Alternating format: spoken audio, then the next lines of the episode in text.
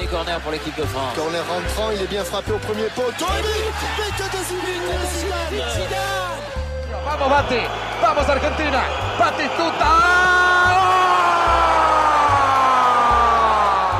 He's going to worry them again. It's a great run by Michael Owen, and he might finish it off. Oh, it's a wonderful goal! Frank de Boer speelt de bal. Heel goed naar Dennis Bergkamp. Dennis Bergkamp. Dennis Bergkamp neemt de bal aan. Dennis Bergkamp. Dennis Bergkamp. Dennis Bergkamp. Je déclare ouverte la 16e Coupe du Monde de football en France. Het is uh, zondag 9 juli 2023. Uh, ja, wij in deze reeks van 25 jaar WK 1998 uh, eindigt, uh, eindigt of komt het einde van het toernooi niet alleen dicht, dicht in zicht, maar ook dus deze reeks van, van afleveringen over dit WK. We zijn inmiddels in de knock-out fase beland. en dat doe ik altijd, het toernooi bespreken doe ik zelf altijd met, met Joris van der Wier. Joris, goeie, goedemiddag. Ja, goedemiddag. Ehm, hoe, hoe is het daar? Het is hier, hier zweten we peentjes. Uh, dat was in, tijdens dat toernooi af en toe ook. Hoe is het in, hoe is het in Schotland? Ja, veel regen. Weinig hitte. Dus ja, ik denk, vandaag halen we misschien de 20 graden wel. Dus, dus bij jullie, bij jullie, bij jullie ja, worden nu maar, ook festivals afgelast en dat soort dingen, omdat het boven de 20 gaat komen? Ja, ja, dat is heel heet. Nou, als het hier boven de 20 graden wordt, dan gaan ze hier allemaal zonder t-shirt rondlopen. Mannen helaas alleen. Dan noemen ze tapsaf. Dus ja, dat is, uh, ja. dat is het hier. Maar nee, nee, nee. Met de hitte bij jullie, dat is hier, dat is hier helemaal niet het geval. Ik denk dat wij te noordelijk zitten of zo. Of iets met wolken. Ik weet niet hoe het zit. Dus. Hey, we zijn in de knock-out fase beland van het toernooi. Is, de, is dat het leukste gedeelte van een eindtoernooi? het is wat dubbel. Ik vind in het begin die onbekende landen altijd heel leuk. Die, waarvan je weet, ja, die gaan er na drie wedstrijden ja. uit. Dus, um, en dan kom je echt in een toernooi en je hebt al die wedstrijden. Iedere dag heb je er altijd, ja, wel een stuk of drie. Dus dat vind ik heel leuk. Dus ik vind allebei wel iets hebben. Dat is juist mooi aan het toernooi. Dat het ineens helemaal qua dynamiek Ja. verandert. Net als nu, maar qua voetbal is dit het interessante. Want nu, ja, nu is het alles of niets. Je, je gaat door of je gaat eruit. Ja, de, eh, wat jij ook wel noemt is inderdaad waar je dan wel aan moet wennen, is dat de frequentie van wedstrijden ook omlaag gaat. Waar je de eerste, ja, het eerste gedeelte, die poolfase, eigenlijk elke dag voetbal hebt, volgens mij. Zo goed als. Eh Ja. Is dat ineens, wordt dat, eh, ja, moet je, moet je ineens weer andere dingen gaan doen. Moet je weer gaan praten thuis en zo. Ja, Of met je- of nee, met dat werk klopt. Dus, bezig. dat dus het heeft eigenlijk allebei wel iets, moet ik zeggen. Ja, hey, Dus ik heb niet per se een, een voorkeur. Ehm, ik, ik, trek even een vraag eventjes naar voren die ik al had om even iets, iets aandacht te geven. Is, wij mogen in deze podcast in samenwerking met Copa een, een mooi t-shirt weggeven over het WK 98 of van het WK 1998. En eh, wat wij daar graag van de luisteraar zouden willen weten is wat is hun mooiste herinnering aan, eh, aan dit WK. Het WK van 1998 in Frankrijk. Eh, dat kun je, de, de, de meest originele inzending die zullen wij gaan belonen met een, met een t-shirt van dat WK. Daar kun je mailen, podcast.staantribune.nl. Dat mag een mailtje zijn, dat mag een foto zijn met begeleidende tekst. Of maak je een fantastische PowerPoint presentatie.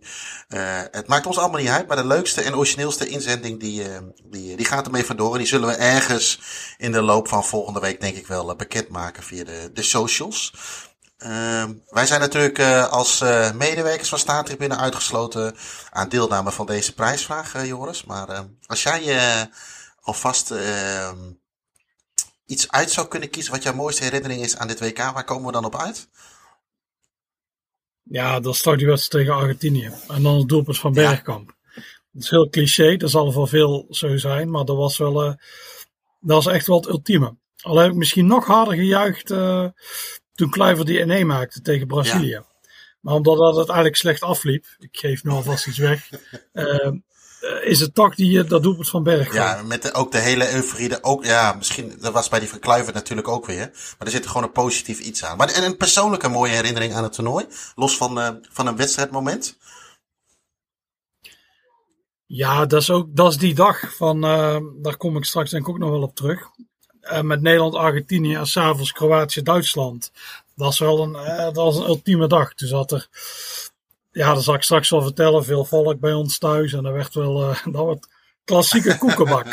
nou, helemaal goed. Ik, eh, nogmaals, eh, luisteraar, doe een poging. en zend je leukste, mooiste herinnering. Dus nogmaals, dat mag een goal zijn. Dat mag ook een persoonlijk moment. Het gaat vooral om het, het meest originele idee of de inzending. En dan een podcast.staantribune.nl Ehm ja, we hebben de pools hebben we allemaal behandeld, hè, Joris. Eh dan komen we eigenlijk in de, ja, in de, in de achtste finales.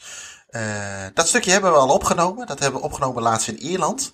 Eh zo zijn wij, hè. Wij, eh, wij kunnen alles en overal. Wij zijn niet locatieafhankelijk om eh, iets over voetbal te vinden. Nee. Eh, laten we eventjes, eh, ja, laten we eens gaan luisteren wat, eh, wat de achtste finale tijdens dit WK bracht. Uh, dan zijn de jongetjes van de heren gescheiden, want we gaan naar de knock-out fase. Ja. We gaan naar de achtste finale. We hebben nog, eh, eh, ja, eigenlijk de grote ploegen toch wel over. Even kijken naar de verrassingen, Joris. eh, die Ja, zitten. S- Spanje eruit. Dat, Ja. is, dat is echt de verrassing. Ja. Het is, ehm, de rest kon allemaal. Ja, bijvoorbeeld dat België eruit. Dus dat, Dat is wel een beetje verrassend, maar niet, niet met het elftal wat ze hadden. nee, niet Nee. echt. Het kon, tegen, het kon gewoon gebeuren tegen Mexico. Ja. Dus eh, nee, nee, eigenlijk is de enige echte, de e- echt grote verrassing is Spanje eruit. Ja. Ehm, laten we beginnen bij de. eh, ja, ik pak maar even aan. De bracket heet dat, hè? Zo mooi in het Amerikaans. Bovenaan. Frankrijk-Paraguay. Ja. Ik heb ze trouwens op volgorde, volgens mij dat ze gespeeld zijn. Oké, dat dat, is dan. eh, welke is jouw eerste? Omdat dat 27e? eh, dan eh, clubs weten of landen weten tegen wie Ja? ze daar naar moeten. De Italië en eerste- Noorwegen? Italië en Noorwegen, ja, dat is de eerste. ja, Italië en Noorwegen. Ja. Ehm, Ja, heeft ja, dat gekke Noorwegen hadden we al even besproken, hè? Dat gekke, Ja. goede, Noor stugge Noorwegen. Ja, het is ook, Julian van Wester zegt het ook.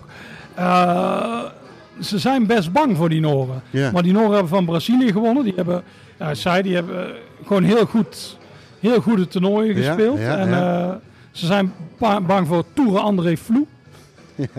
Ja. En eh, ja, ze weten het eigenlijk niet. Maar gelukkig voor de Italianen scoren ze na 18 minuten de 1-0. Ja. Weer Christian Vieri. Ja, En daarna gaan de Italianen die gaan doen wat ze goed in zijn. Die graven zich enorm in. ja. Die gaan niet voor de 2-0. Die denken 1-0 is wel goed. En eh, dat blijkt ook zo te zijn. Ja. Italië gaat door. Die, En ze zijn heel erg opgelucht dat ze door zijn. Want dit is echt wel een wedstrijd waar ze hem voor knepen. ja, want ehm, overigens ook gespeeld in Marseille.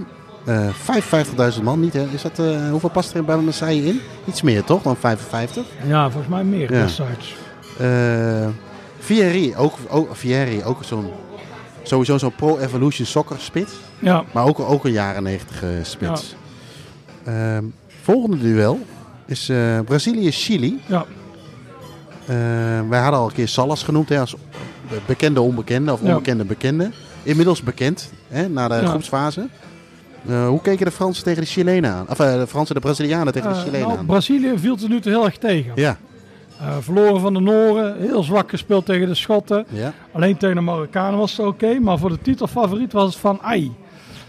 Dit is allemaal niet zo best. Nee. Dus, eh, en Chili was het nu toe heel goed ja, geweest. ja, Al leuk gespeeld. Dus eh had gedacht, ja, normaal winnen ze altijd wel van die Chilenen in Copa America zo. ja, Maar het was toch van oei, oppassen. ja, Maar Brazilië is heel goed deze wedstrijd. ja, Die, eh die Cesar Sampaio, enorme antivoetballer. verdedigende middenvelder. Maar die maakt eh, 1-0 en 2-0. ja, Vlak voor rust is Ronaldo die een penalty scoort. ja, Eh 3-0 en eh, ze zijn door. Ja. Het is, eh, eigenlijk is de tweede, wedstrijd uit, de tweede helft uitspelen. Salas maakt nou de 3-1. Maar uiteindelijk is het Ronaldo die de 4-1 maakt. En eh, Brazilië heeft eindelijk lijkt los te komen. En eh, Eigenlijk een beetje waargemaakt voor eh, waar ze voor stonden aan het Ja. van het WK. het is de eerste keer dat ze echt van dat je denkt... hé, hey, dit is inderdaad wel een van de titelfavorieten. Ehm, de volgende wedstrijd gaat tussen Frankrijk en Paraguay. Was Frankrijk toen al een beetje titelfavoriet? Waren ja, die zijn begin? natuurlijk de pool. Denemarken ging wat stroef. Ja, Maar die andere twee wedstrijden hebben ze makkelijk gewonnen. Maar- Alleen ze knepen hem wel. ja, zonder Zidane natuurlijk. Ja, Zidane is niet mee door die rode kaart. Ja, Eh, die Ameja dan een beetje met die opstelling altijd te kloten. ja, Wie waar moet spelen. ja, En ze zijn bang voor Chilaver. Want die blijkt niet alleen een gerucht te zijn, die blijkt Ja. heel goed te zijn. ja, Dus eh, ze hebben het ook heel zwaar deze wedstrijd. Chilaver pakt ook heel veel ballen. ja. En, eh, er is, en dan wordt het verlengen. En dan begint de Frans hem echt te knijpen. Want die wil geen strafschoppen tegen Nee. die Paraguayanen. En je hebt goal de goal. had je Ja, toen nog. golden dus goal had je, ja. dat eh, is ook nog eh, altijd een... Dus het is eh, uitkijken, je kunt niet volop aanvallen. Nee, Terwijl ze toch moeten scoren, want je wilt geen strafschoppen nemen tegen Chilaver. nee, nee. Nou, en dan is het gek genoeg Laurent Blanc, Ja. die centrale verdediger, die maakt dan de 1-0. Ja, zes minuten voor tijd. En er is echt totale opluchting in Frankrijk. En eh volgens mij heeft Julian van Wessem dat ook gezegd. Nu is het van, ah, toernooi kan nu beginnen. We weten dat we tegen Italië moeten de volgende ronde. Ja, En daar kun je van verliezen. Ja. Tegen Paraguay mag verliezen je niet was, verliezen. was schande geweest. Nee. Maar nu is het van, ah, mooi. Weet je wie die eh, wedstrijd de scheidsrechter was? Mario van den Ende. Nee, nee, nee, die moest eh, naar huis, hè? Naar, eh, Oh ja, ja, ja. Dat heeft natuurlijk, ah, in ieder geval, dat was naar Nederland-Jugoslavië overigens. Ali Boujahim. ah, ja, Ken je die nog ergens van? Ja, die ken ik wel.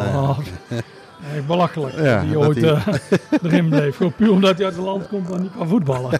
Oeh, dit vind ik... eh, vind je dat mensen uit de Verenigde Arabische Emiraten niet kunnen voetballen? nee, die vind ik heel goed. Eh, de volgende wedstrijd is Nigeria, Denemarken. Eh, ehm, Ja. Ja. ja. Denemarken, ik vind, ja, Denemarken is toch altijd een beetje zo'n gek elftal, toch? ja, want Denemarken viel eigenlijk heel erg tegen. Ja, Ehm, ja, die pool, maar nooit overleefd. Ja. Het eh, zag er niet uit. Ja. Eh, ja, Søren Lerby als analist zat te zeiken. Die zei, oh jammer dat we niet in de groepsfase uitgeschakeld. ja, Want het team is een schande. ja. Eh, Nigeria is ook zwaar favoriet. Want Nigeria heeft natuurlijk, eh, die waren twee wedstrijden al door. Dus Ja. die hebben die laatste eens tegen Paraguay lopen te freewheelen. ja. Met een soort B-elftal, wat er eigenlijk toch niet slim blijkt. Je kunt toch alles, de statistieken wijzen uit, gewoon met je eerste elftal spelen. EK 2008. Ja. Ja. Maar ze zijn echt eh, zwaar favoriet. Het is ook, en die Brazilianen, die balen, want die hebben twee jaar eerder op de Olympische Spelen, met, toen had- waren het ongeveer dezelfde elftal, hebben we verloren van eh, Nigeria. Ja. Die zitten wel te balen van shit, de volgende ronde tegen Nigeria. Maar, Maar, ja. Denemarken is ineens Danish Dynamite. Het is uh, tot na drie minuten 1-0 door Peter Muller, Ja. die op dat moment bij PSV speelde. Scoorde ooit bij Barcelona in Noukamp. Ja. Ja, eigenlijk heel erg, die viel eigenlijk heel erg tegen bij PSV. Ja. Niet En, echt eh, een PSV-spits ook, nee. achteraf gezien. En waar ging hij dat, na dat jaar naartoe? Oh, de, eh, de, eh, Jullie verkochten hem meteen. Ja, eh, Spaanse Spanje, club. Spanje Ja. was het. Ehm, was het Primera? Uit Asturias komt de club. Ja, dat zeg je maar wat. Eh, Ik zie nou heel veel vraagtekens. nee, eh, eh, eh, oh, eh, het ligt op het puntje van mijn tong. Eh, ik, eh, het is niet Burgos, dat wil ik niet zeggen, maar het is... ehm, Het zit wel, eh, het zit wel redelijk in de buurt oh, qua locatie. Ja, eh, ah, ik weet... eh, nou, zeg het maar. Blauwe shirts. Rivaal van Sporting Gijon. Rivaal van Sporting Gijon? Vigo? Nee. Nee, Real Oviedo. Oviedo, Oviedo, ja, dat was het, ja. En daar deed hij het volgens mij best wel aardig. dat heeft het best goed Ja, gedaan. Ja. Het was gewoon geen... eh, Ja, dit is ook een heel mooi doelpunt. Als je terug gaat kijken, echt een mooi doelpunt. 0-1. Daarna, je had net over Roefai. ja, Vrije trap. Eh, die komt bij eh, Peter Muller terecht. ja, ja, Eh Roefai laat hem om een of andere reden los. Die bewerkt hem heel slecht. Komt voor de voeten van Brian Landenhoek. ja, 12 minuten, 0-2. ja. Gekkenhuis. Gekhuis. Ja, Maar Nigeria krijgt kansen. Nigeria krijgt heel veel kansen op 1-2. ja, Maar Peter Smagel speelt, eh, Pieter Smagel speelt heel goed. ja.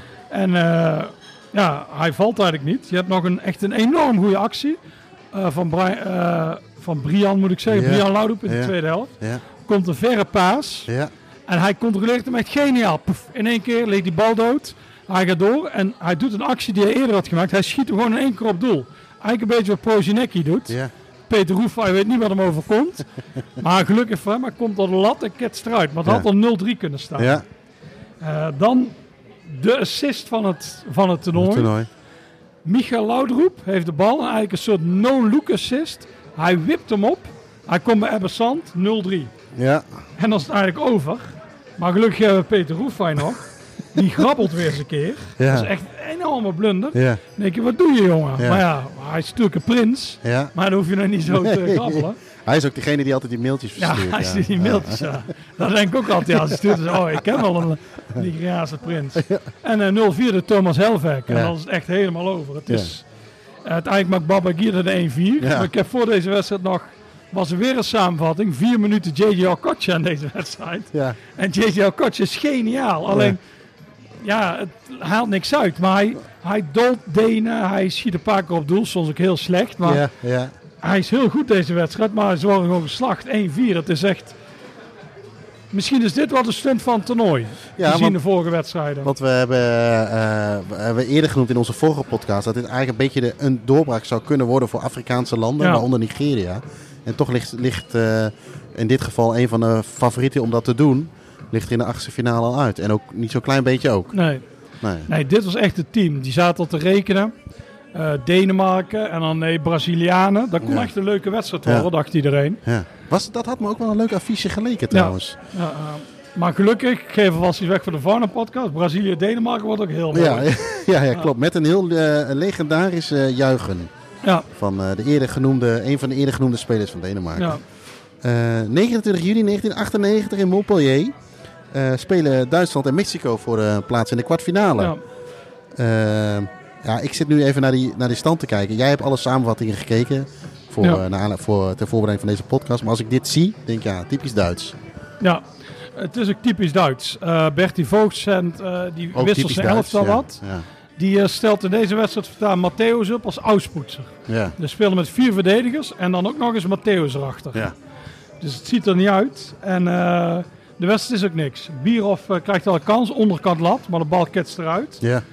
En eh, daarna is het over Afrikaanse keepers gesproken. Die grabbelden wel. Maar Andreas Kupke ook. Die stond altijd al die Ja, ballen weg. ja. En hier laat hij paar keer de bal. Een afstandsschot, dan laat hij uit zijn handen. En op één moment, dan zie je Kupke grabbelen. En dan zoomen ze daarna op Oliver Kahn. En die Oliver Kahn die zit op de bank. En die En denkt, lijkt wel of die vuur spuurt. Nee, Oliver Kahn in de finale van 2002 doet hij doet hetzelfde. hetzelfde. Ja. Dus, eh, Ja. Maar ze hebben het lastig. 0-0 bij rust. En na de rust is Hernandez die heel snel Ja. een 0-1 maakt. De blonde Mexicaan. Ja. En daarna heb ik eigenlijk, eh, dat was ik vergeten, Mexico schiet nog een keer de paal. Die bal komt terug. En Ja. Mexicaan staat alleen voor doel. Hij heeft alleen Kupke voor zich. Echt op een meter of acht. Ja. Hij heeft de hoek voor het uitkiezen. 0-2 moet het worden. Maar hij schiet recht op Kupke. Dus eigenlijk had de- Duitsland eruit moeten vliegen. Ja, ja. En die misser, die zorgt ineens voor, voor nieuw elan bij de ja, Duitsers. ja, mooi woord. En eh, een kwartier voor tijd is het ja, Jurgen Klinsman 1-1. Ja, Vijf minuten voor tijd is het Bierhoff met een kopbal. Heel Duits, 2-1. En. Duitsland gaat door. Maar hun, nu zie je ook dat die, die Mexicanen, die zijn gewoon, dat is een goed team. Ja. Dus eigenlijk niet zo schande dat de Belgen eruit lagen. Nee. Dat wij het eigenlijk 2-2 te- hebben gespeeld. Dat is echt een goed team. En eh, Mexico had dit gewoon moeten winnen. ja. Dus, eh, maar Duitsland gaat door. Maar Duitsland Duits. is wel een beetje van. eigenlijk zwak tegen Joegoslavië, zwak tegen Mexico. Het is zoals eh, Brazilië na deze wedstrijd, of na de wedstrijd, is van. Ah, Brazilië is kanshebber. Ja. En zelfs Italië en Frankrijk werd van gezien. Nou, moeilijke wedstrijden gewonnen. Maar Ja. Duitsland is wel van. Oeh, dit was zwak. Ja, ja, ja, ja. ja. Ehm, de wedstrijd daarna in Toulouse. Ehm, ja, hoe heb jij eh, die beleefd, Joris, thuis? We hebben het over Nederland-Jugoslavië. Ja.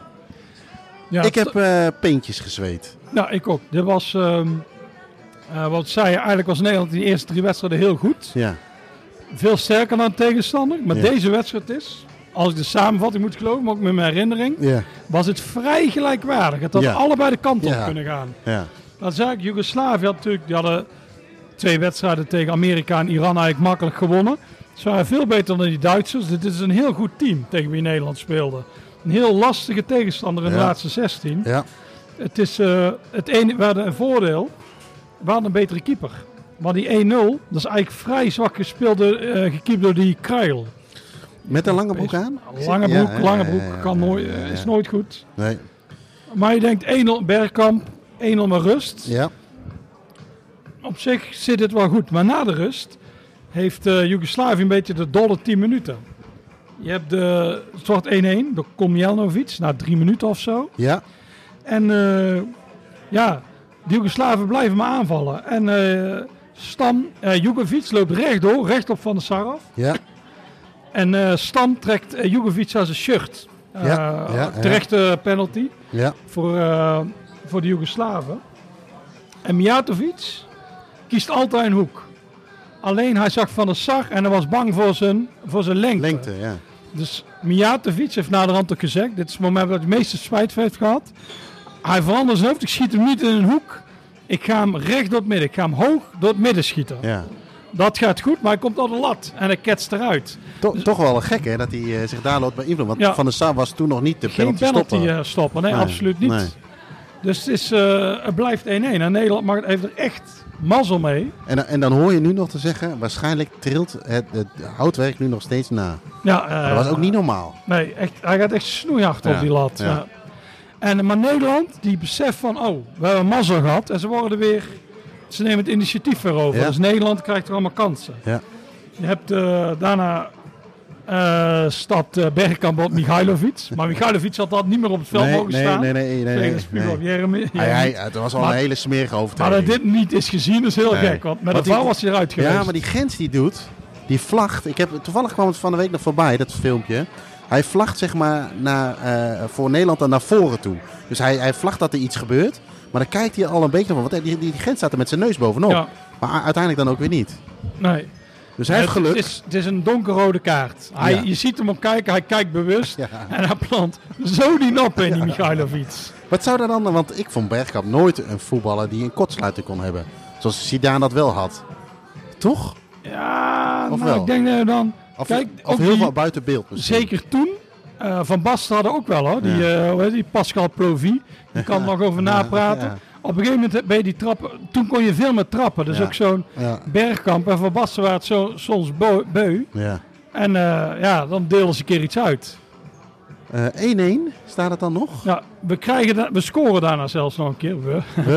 Ja. Alleen eh, die wordt afgekeurd door een gevaarlijk spel van Bergkamp. Ja. Het is ook echt gevaarlijk spel. Eh, hij, die bal komt heel hoog. Die komt bijna het gezicht van de Joegoslaaf. Ja. Dus die wordt eh, afgekeurd.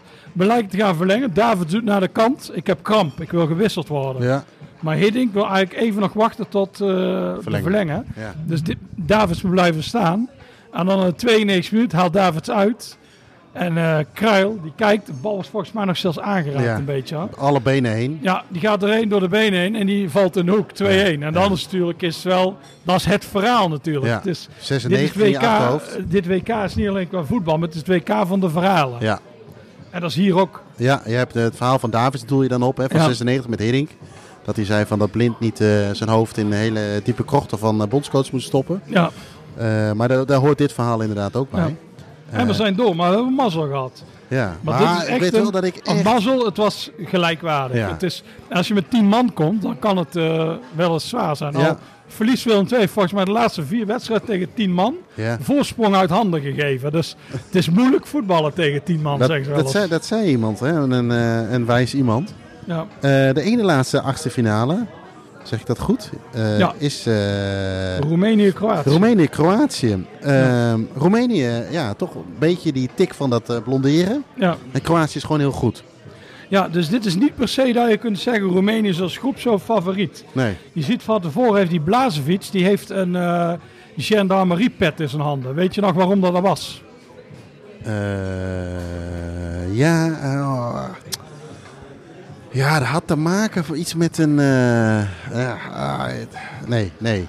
Ja, die Duitsers hadden in eh, Lans hebben ze die eh, Daniel Nivel. Dat was het. Die Ja. eh, agent Ja. hebben ze coma geslagen. Ja, Volgens mij kan hij nog hij, zegt, hij heeft nog steeds. Volgens mij heeft hij nog steeds kan dat niet kan spreken, geloof ik. Zo. Hij heeft wel overleefd. Hij is een keer dan eregast geweest tijdens volgens mij het WK in Duitsland. Ja, Maar dat is eerder gebeurd. Dus, oh, dat was het inderdaad, ja.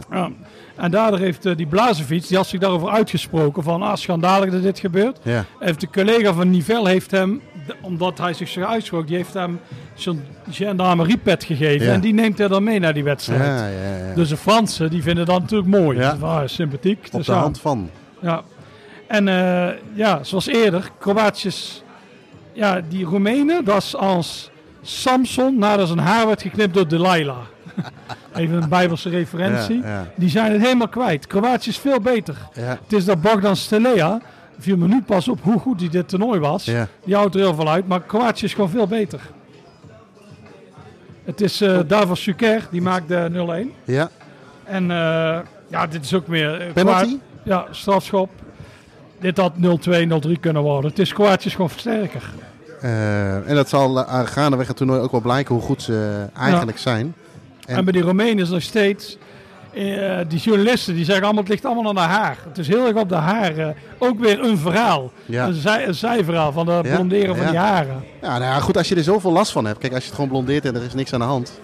Maar het is allemaal afleiding natuurlijk van een soort proces Ja, waar je mee bezig bent. En, eh, ja ook eh, dat sommige spelers niet konden slapen. dat is eigenlijk heel onhandig. Het was niet zo'n goede actie. Nee, Het was net zo'n beetje als die Duitsers met die handen voor de mond. in Qatar. Alleen Ja. die hadden daar geen... eh, niet dat ze niet konden slapen, maar... Nee, Die maar handen, later hebben heel veel spelers gezegd, ja, we hadden daar last van. Maar dat moest van die Ja, Goretzka of zo, die was er heel erg aan het pushen. ja het, het leidt allemaal af voor hetgeen waar je Ja. mee bezig bent. Want dat had de verhaal wel die- goed in Qatar. die Qatari vonden dat wel grappig. Ja, ja, dat is een mooi fragmentje. Doei! Ja, tjus! Dus eh, ja, dat zou je eigenlijk beter eh, niet kunnen doen. Maar eh, zoals dat, dat blonderen. Dus ja, Roemenië eruit. Dus dat is eigenlijk de tweede van de zeven wedstrijden dat groepshoofd eruit ligt. Nigeria en Roemenië. Ja, ja, Al is dit inderdaad was niet zo'n Nou, stunt. Nee. Kroatië kon het ook winnen. Ehm, de laatste, wij hebben het vaak over Nederland-Argentinië, 98. Als eh, memorabel duel, ook omdat je misschien eh, wel wint.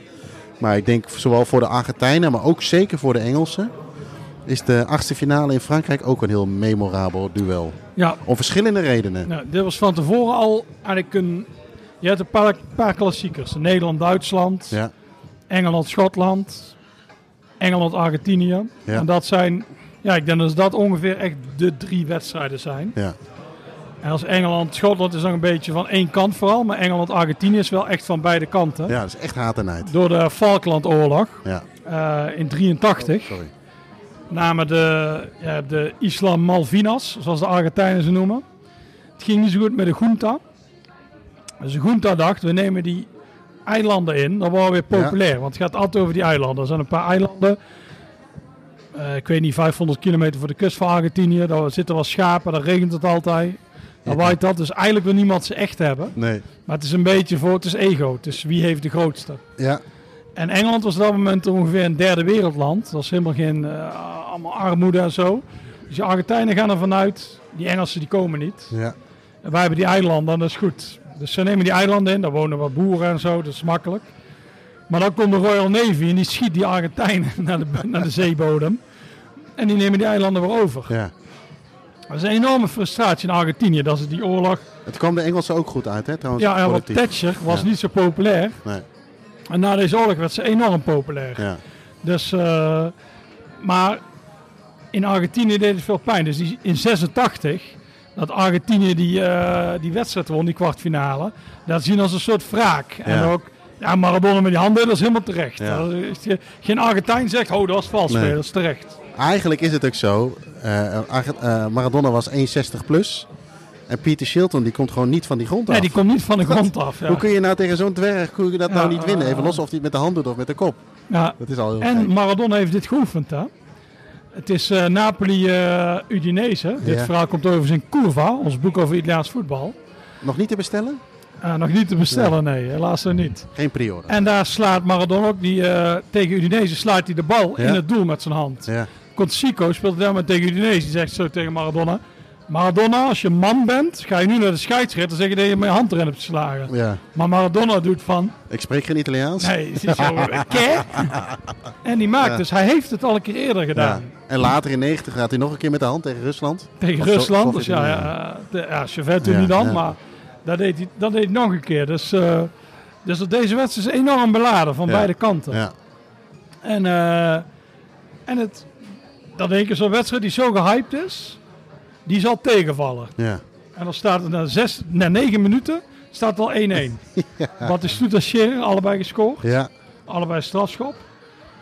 En dan doet eh, eh, Michael Owen doet eigenlijk een soort, maar niet zo mooi als Maradona in 86, maar hij is Nee. wel echt, het is, ja, ik denk dat, ik denk dat Bergkamp tegen Argentinië nog mooier was, maar dit Ja. is het één na mooiste doelpunt van het Ja. toernooi. zal Zit ik niet voor niks in de intro van, dit, eh, van deze podcast. Ja. Hè, dat doelpunt. Commentaar Hij- ervan. Ja, hij dribbelt langs, hij sprint er langs, 1, 2 man en dan, eh, dan knalt hij hem in de kruis, of in het doel. Ja. Dus eh 2-1 voor eh, de Engelsen. En dus die wedstrijd, maar deze wedstrijd ook, het waren in de groepsfase waren dit al twee van de be- best voetballende ploegen. Ja.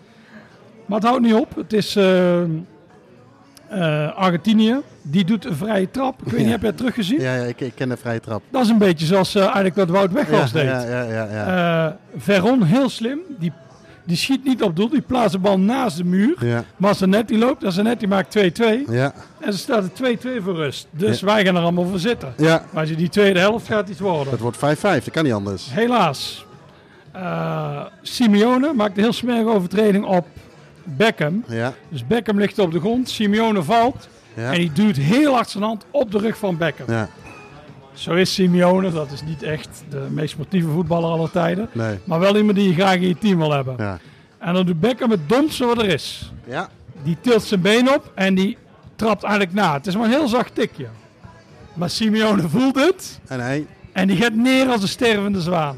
hoe, eh, hoe verketterd is eh, Beckham geworden daarna? Ja, het, is, het loopt slecht af voor Beckham.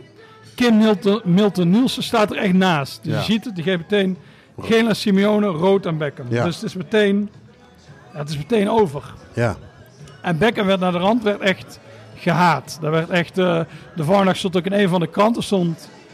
eh, ik, zal de, ik zal eerst de wedstrijd nog eens spreken. Ja. De wedstrijd hierna is dood. Er gebeurt niet meer zoveel. Eh, Engeland gaat verdedigend wisselen, dus het is heel jammer. Blijft 2-2. Ook na verlengen. Engelse strafschoppen, die verliezen dat. David Betty eh, mist de beslissende. ja, Dus, eh, Argentinië gaat door. En er staat de volgende dag in de krant. 10 brave men and one silly boy.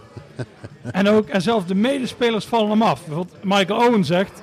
Ja, het is wel heel erg dom wat Beckham heeft gedaan. Ja. En het is, hij krijgt doosbedreigingen. Dit is volgens mij een van de eerste wedstrijden na...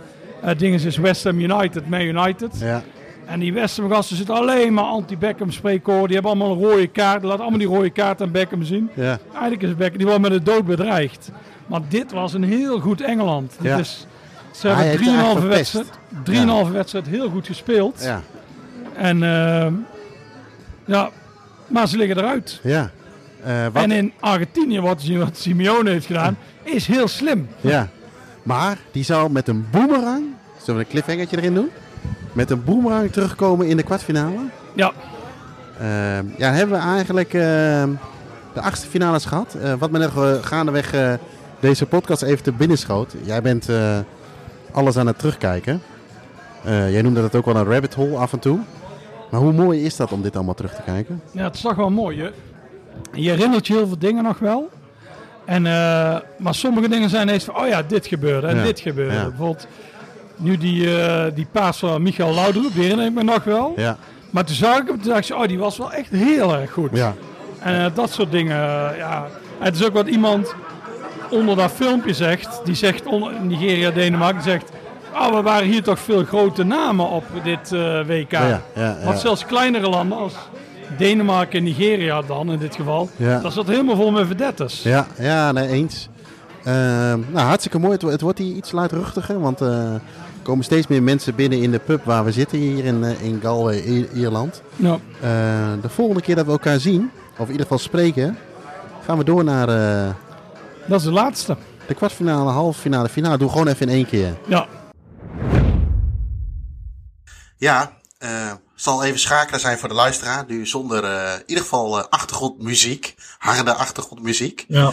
Eh, maar dan hebben we de achtste finales gehad. Eh, komen, in de, komen in de kwartfinale terecht. Eh, willen, zullen we weer bovenaan beginnen, jongens? Met, beginnen met Frankrijk-Italië. ja, dat is goed. Die, Dat die een, is eh, natuurlijk al eh, wel begin. heel uitgebreid besproken in de twee eerdere afleveringen van, eh, van deze reeks. eh, door eh, Juriaan van Wessem, hè, zowel Frankrijk als Italië. Maar eh, ik denk dat het ook wel leuk is om, eh, want jij eh, bent eh, deze hele reeks in die rabbit hole van eh, samenvattingen gedoken. Eh, even leuk om jouw kijk erop te weten op die kwartfinale. Ja, is- het begint heel opvallend. Eh, dus ik, zet, ik ben die samenvatting gaan kijken. En eh, ja, we kennen allebei Ino Diepeveen. Dat is een Ja.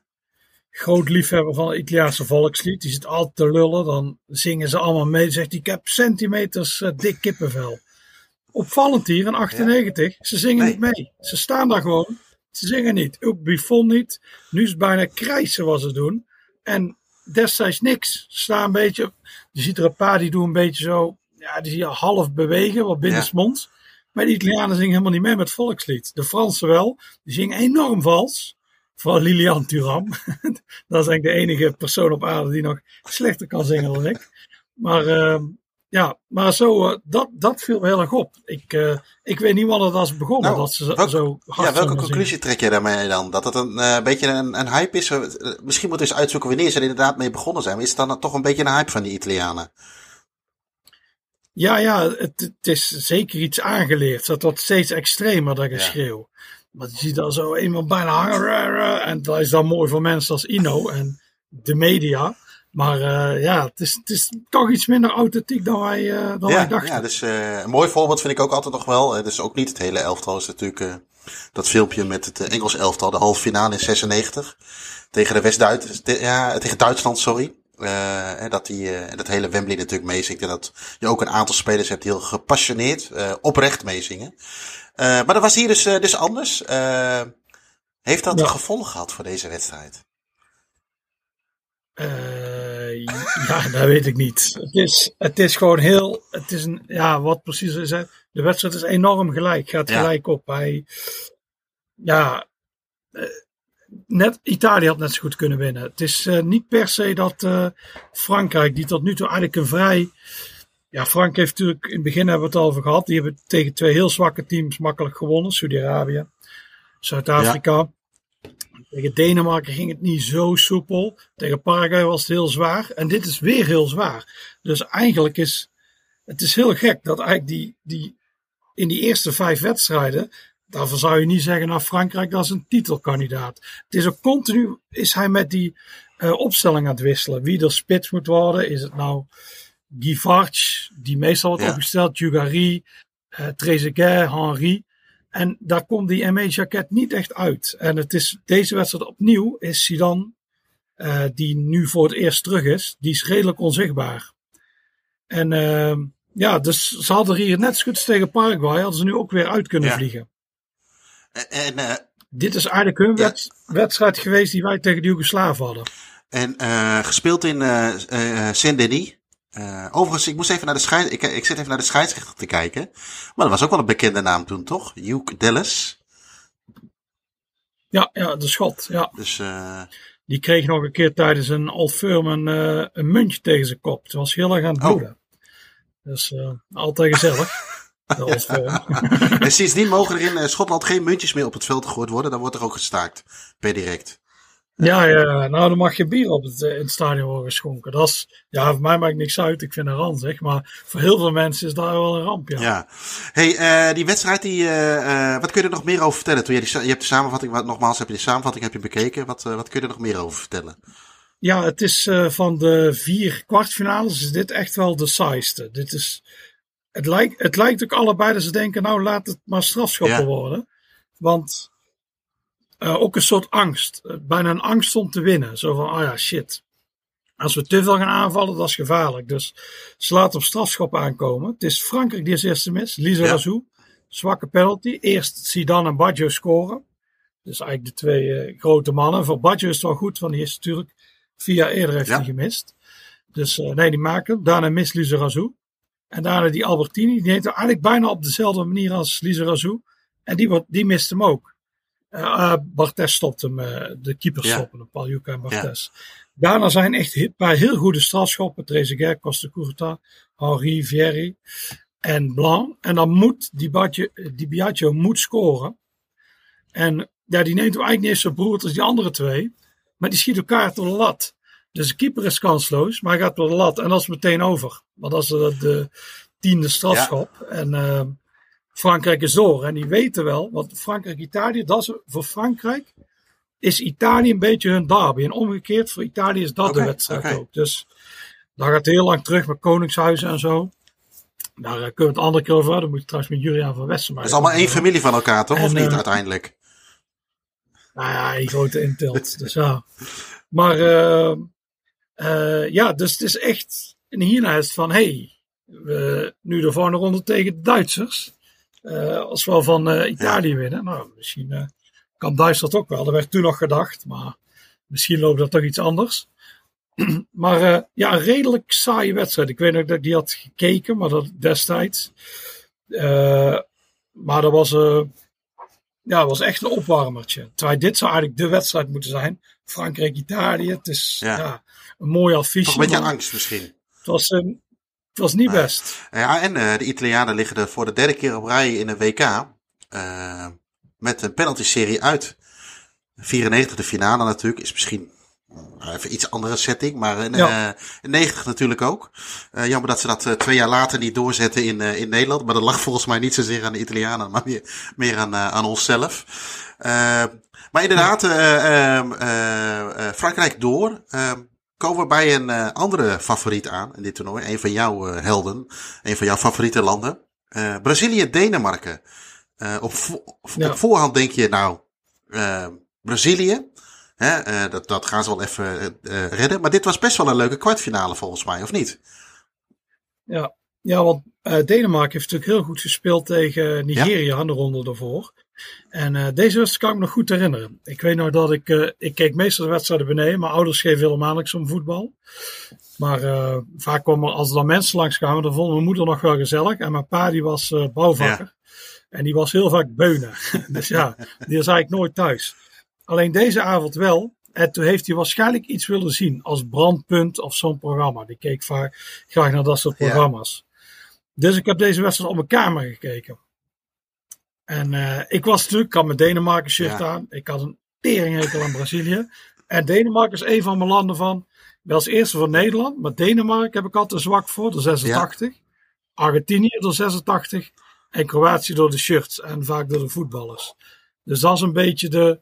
Ja, dus ik had ook nog eens een team waar ik veel sympathie Ja. voor had. Dus eh, ik was er hier wel klaar voor. En na twee minuten, echt eh mooie actie van eh Brian Laudroep, voorzet, Martin Jurgensen.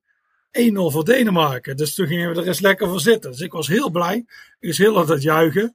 Dus mijn moeder riep nou naar boven of ik, eh, of ik niet goed was gewoon of zo. Ik zei, nee, nee, het is goed. Denemarken staat voor. En ehm, ja, maar die wedstrijd die blijft heel leuk. Eigenlijk is die hele wedstrijd heel aantrekkelijk. Eh, helaas, na 10 minuten 1-1 door de lafaard Bebeto. Bebeto weten we allemaal. Deportivo La Coruña kon kampioen worden tegen Valencia. Alleen dan moesten ze winnen. En eh, dan maakte niks uit wat Barcelona deed. Dus ja, Barcelona won die dag, ik geloof 5-2. Maar het was op hetzelfde moment. Maar dat is niet van belang als Deportivo maar won. Deportivo krijgt de strafschop.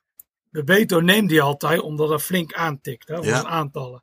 Die laffe hond durft deze niet te nemen. Dus Djukic Ja. moet hem nemen. En die mist. En die krijgt natuurlijk van, ja, eh, die heeft hij gemist. Dus daarom, sindsdien vind ik Bebeto altijd echt een dat was, was het Alleen hier was ook in de la, eh, redelijk vlak voor tijd, toch, die penalty? Voor ja, was dat ongeveer van Ja. de laatste acties, ja, kansen. Dus ja, maar dat is, als je ze altijd neemt, moet je hem dan ook nemen. En, en, Dan moet ineens zo'n verdediger hem nemen, want niemand durft natuurlijk die verantwoordelijkheid te pakken. en in hoeverre hielpen... ik geloof ook dat heel veel supporters van Deportivo hebben hem eh, daar nooit kwalijk genomen, Djukic. Omdat ze wisten, hij werd eigenlijk voor het blok Ja. gezet dat hij hem, hij hem moest nemen. Omdat die lafaard, die, eh, die durfde ineens En in, in hoeverre heeft daarnaast het wiegen van dat eh, doelpunt in 94 dan meegeholpen aan het eh, beeld over Bebeto voor jou? Ja, dat is natuurlijk heel menselijk. Dat is echt. Dat is denk ik het, het, het walgelijkste Ja. ooit. dat is echt zo misselijk. Kijk, je, je hebt natuurlijk... Dus ik had al een hekel aan die Brazilianen, maar dat wiegen, dan maak ze gedoe. Maar dat wiegen, dat is echt van, nou, als je daar niet van over je nek gaat, dan, eh, sta ik. Oh, nee, eh, ik had een keer ook op, eh, toen ben ik natuurlijk uit de slof geschoten. Toen deed jij dat filmpje. En toen zei ik, oh, als, ik het, als er een teletijdmachine bestond en ik kon ooit terug in tijd, dan nam ik een mitrailleur mee. Dan ging ik terug naar dat moment, dan zou ik ze omvermaaien. en toen kwamen er al mensen, ik heb een melding gemaakt op Twitter van deze opmerking. ja, ja, het is, kijk, je hebt natuurlijk juichen, hè, dat, je, dat, dat gasten dat een beetje provocerend doen, maar vaak is het dan iets, iets eh, eh, direct naar hun. Hè. Bijvoorbeeld, kijk bijvoorbeeld naar Messi hè, met Van Gaal in 2022, dat hij met die oren zo eh, staat voor de, voor de dugout. Of uh, met, uh, met Arsenal, hè. dat is allemaal een beetje gericht naar mensen. Maar dit was gewoon heel super, super, super irritant. Dat sloeg allemaal gewoon helemaal nergens op, zeg maar.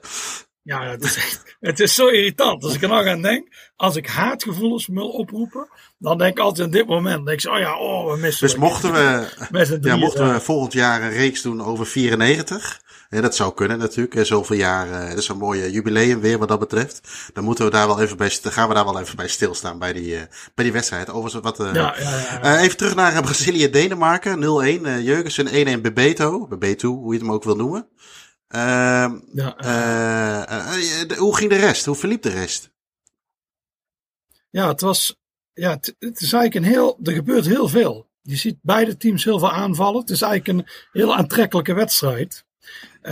Ja, na die, na die, die saaie pot middags is dit wel heel Ja. interessant. En ehm, eh, Brazilië krijgt weer een kans. Het is Ronaldo, Ronaldo. Die, die krijgt ineens de bal. En die gaat naar het doel toe, richting de 16 Ja. meter. Iedereen denkt Ronaldo gaat schieten. Maar die geeft echt een heel slimme paas op eh, Rivaldo. Rivaldo. En die stift hem over uh, Schmeichel in. Echt een heel knap doelpunt. En ook opvallend dat Ronaldo niet zelf Ja. schiet. Dan zie je hoe goed hij dit eh, WK was weer. En eh, ja, 2 op zich wel terecht. Maar dat vond ik toen natuurlijk helemaal niet. Dus, eh, en dat is na 25 minuten. Dus dan, maar er gebeurt zoveel. Er is al veel meer gebeurd dan die hele eerste wedstrijd. En eh 2-1 voor de, Brazilië. En dan denk je eigenlijk, ja, het is, het is, het is over. Het is, dit gaat Brazilië gewoon rustig Ja. uitspelen. En het blijft tot de rust ook 2-1. En dan is het, eh, dan is het rust. Ehm, dan- maar dan gebeurt er al vrij snel iets na de rust. Met een iconisch moment daarna. Ja. Ja, ja, een paar dingen. Die, die bal, eh, er komt een hoge bal in de 16. En die Roberto Carlos, wat eigenlijk echt een waardeloze verdediger is. Ik heb nu, als je hem op die samenvattingen ziet, die heeft een slechte voorzet. Die kan geen vrije trappen nemen. Die is echt puur vanwege die ventieltrap in 97. Daar teert hij gewoon op. Dat is gewoon één moment. Dat is, oh, was die slecht. En nu ook, nu maakt hij een of andere mislukte omhaal. Echt onbegrijpelijk. Eigenlijk, ik snap het niet als bondscoach. Haal je die meteen uit en stuurt hem naar huis. En eh, ja, mooie aanname van Brian Laudrup, die ook echt goed was Ja. dit toernooi. En die, eh die trapte 2-2 erin. En wat deed hij daarna?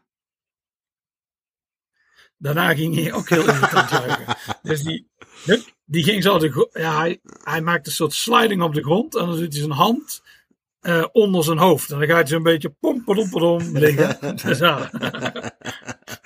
Nou ja, goed. Maar die was terecht Ja, natuurlijk. ja. Want het kwaad kun je alleen maar met kwaad eh, vergelden. Dus eh, nou, Eh, 2-2. Nee, terecht ja. En ik was weer heel blij. Dus weer dacht ik, ja, ja, ja, schreeuw ook, raam op. ik heb eh, buiten Nederland niet zo hard om doelpunten. eh, ja. Nou, ik heb je wel eens gezien bij Banfield.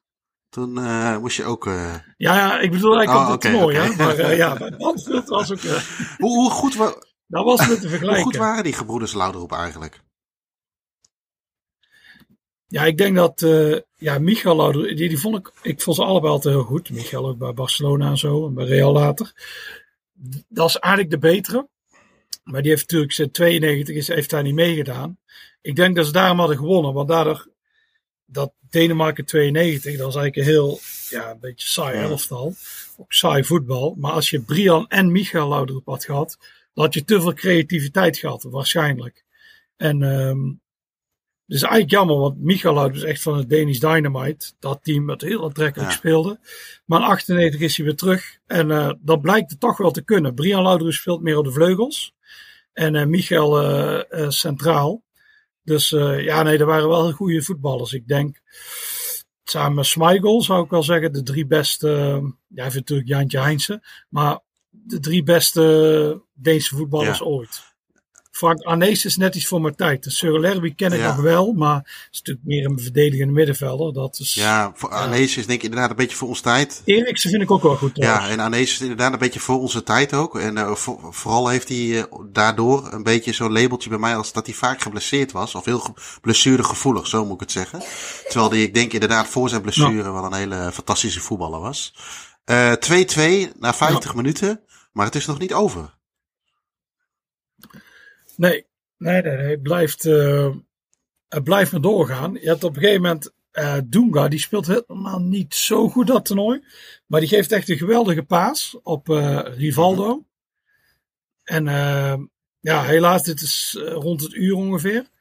Rivaldo staat helemaal vrij. En die plaatst die bal, eigenlijk best knap, van 20, 25 meter denk ik, in de hoek.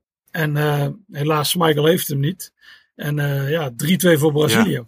Uh, Rivaldo zal overigens vier jaar later ook een enorm misselijk moment hebben. Net zoals uh, Bebeto dat vier jaar eerder had. Ja, ja, Rivaldo is ook een heel misselijk figuur. Het zit er wel een beetje in de aard van de, van de beestjes inderdaad. Uh, 3-2. konden de Denen nog wat, een, nog, een, nog een vuist breken, vuist maken daarna? Ja, nou het is eigenlijk Brazilië die gaat toch, die hangt niet helemaal terug. Die proberen ook wel de 4-2 te maken. Maar Denemarken krijgt ook nog enkele echt heel goede kansen. Ja. En uh, er komt onder andere nog uh, ja, een uh, kopbal op de lat. Ze krijgen nog twee heel goede kansen eigenlijk. Die kopbal en nog een andere. Helaas gaan er niet in. Dus ik was helemaal over de zijk naar die wedstrijd. Toen heb ik mijn bed in elkaar getrapt. ik had zo'n houten bodem. En mijn pa die zei zo, yeah, dan moeten maar zelf kijken hoe ik dat ga oplossen. Dan gaan we maar op de grond slapen. dus ik, ben, ik heb een tijdje op matras op de grond gelegen omdat mijn bed kapot was. Maar ik was helemaal over de zeik. Dit is op, eh, ik denk niet dat ik. Ja, dat moet echt Nederland-Brazilië zijn geweest in 98 en in 94. Dat ik uh, zo had gebaald. Want bijvoorbeeld in 96 baalde ik niet. Toen Nederland verloor van Frankrijk was ze van. Ah. En toen ze verloren van die Denen in 92 was het ook een beetje. Ja, Nederland speelde wel heel misselijk die wedstrijd. En in 90 was het een beetje hetzelfde. Die ruzie, verloren van Duitsland, maar deed mij ja. weinig. Maar ik denk dat deze, het is continu mijn overwinningen van Brazilië. Dat ik, eh, ja, ik was echt over de zijk. Want dit is op een, dit is een vrijdagavond geweest. Want ik heb s'avonds nog, wij zouden gaan stappen met die vrienden. Ik was toen 19. Dus altijd uh, donderdag, vrijdag en zaterdag was het vaak ja. stappen. Opgebeld, ik zeg ga niet mee. Ik ben helemaal over de zijk. Dus ja, maar de, eh, de voornacht zouden we afspreken. De voornacht was eigenlijk de bedoeling Nederland-Argentinië ja. kijken. Daarna die andere wedstrijd Duitsland-Kroatië. En daarna gingen we naar de stad was ja. het plan. Maar uh, vrijdag kon ik niet mee. Ik was echt over de zijk. Ik was zo. Ik, oh, was ik zo'n hekel aan die Brazilianen. uh, je had het net al even over die volgende dag. De derde kwartfinale was uh, om half vijf in de stade Velodrome in Marseille. Nederland-Argentinië. wat is daar nog niet over gezegd? Weer verteld, geschreven en uitgezonden. Ja, het meest eigenlijk wel. Dit was, maar deze, dit is ook een dag, die kan ik me nog heel goed herinneren. Dat is, uh, uh, we hadden altijd, eigenlijk was bij ons de vaste plek. Ik en mijn moeder vinden het heel gezellig als er mensen komen. Dus uh, het was altijd makkelijk. Om, iedereen kwam naar ons op de ja. fiets en dan gingen we kijken. Het was ook een soort beetje, je had een paar keer over bijgeloof. Het was op een gegeven moment ook bijgeloof geworden. het moest bij ons zijn en ik had op de, of we hadden op dat moment twee katten, Karel en Max. En die Max was altijd naar buiten, die ging altijd muizen vangen. Maar die Karel, die was altijd op iemands schoot aan het liggen. Dus dat is heel belangrijk, dat die kat was erbij. Dus ja, het huis was, mijn moeder had oranje versierd. Er zat heel veel. Er zijn natuurlijk, ik, ik ben de oudste ja. van die groep, dus ik was 19. En de anderen waren denk ik allemaal zo rond de 18, er was zelfs een van 17 bij. Dus bij ons wist er bijna niemand bier, dat vonden we allemaal te bitter. Dus zijn moeder had allemaal Safari oh. gekocht, Passoa, oh. Blue Curaçao, Pisang oh. Ammon. Dus dat stond er allemaal. Dus er werd enorm drankgelach later, maar daarover later meer. En uh, ja, zo was eigenlijk die dag. Dus van tevoren was het al. En mijn moeder die zorgt graag. Dus we kwamen continu bitterballen langs, frikandellen. En zo waren we er eigenlijk. En mijn moeder had ook van die smink ja. gekocht.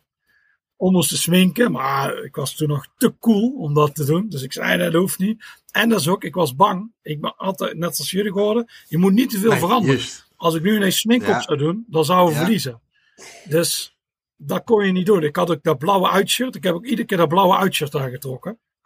En um, ook al speelde die wedstrijd oranje. En ja, dit was een mooie wedstrijd. Het was ook een mooie dag. Volgens mij in Nederland ook ja. mooi weer.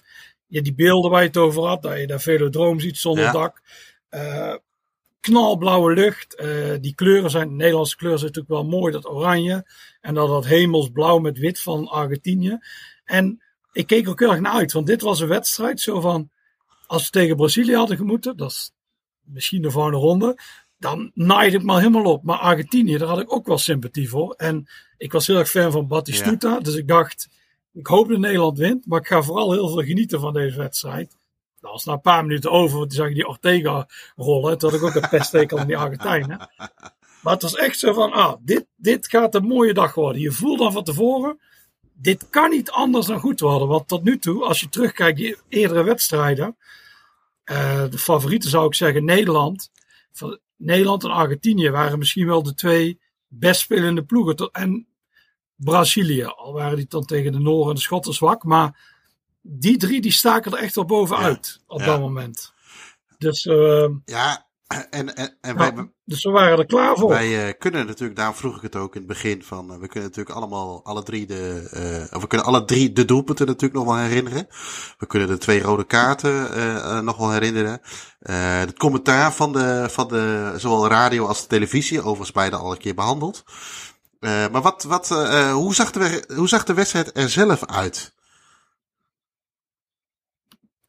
Ja, die ging ook weer heel gelijk op. Het is, ehm, ja, het is, een heel, het is een heel leuke wedstrijd. Het is, je ziet zoveel over en weer met kansen. Nederland had er heel snel op 1-0 kunnen komen. Uh, daarna bij die 1-1. Uh, eh, die 1-1 is trouwens heel. Heb je die nog wel eens ja, heb ik nog wel eens gezien? Ja, die paas van Veron. Uh, die is ja, echt is heel, goed, goed. op Claudio Lopez. Die zet, hem, die zet hem één keer zomaar vrij. Dus nee, dat was wel ja, het is ook gewoon, de Argentijnen speelt ook heel goed. Het is alleen dat rol van die Ortega is natuurlijk enorm irritant. Het is die duels tussen Ortega en, en David zijn ook echt geweldig. Die zijn keihard. Dus, uh, maar ook David is ook, David is ook heel goed deze wedstrijd. Je ziet hem continu met naar voren opstomen. En uh, ja, dus het is, ik denk als neutrale kijker dat dit wel een heel interessante wedstrijd ja. was. En, en, om dit te volgen. Ja, ja en twee keer op de, één keer op de lat geschoten hè, door Jonk. Ja, uh, Batistuta op de ja, En, uh, ja, en Ortega ook nog op de paal? Of heb ik dat, maar dat, zit dat verkeerd in mijn hoofd? Dat weet ik niet oh, meer zo.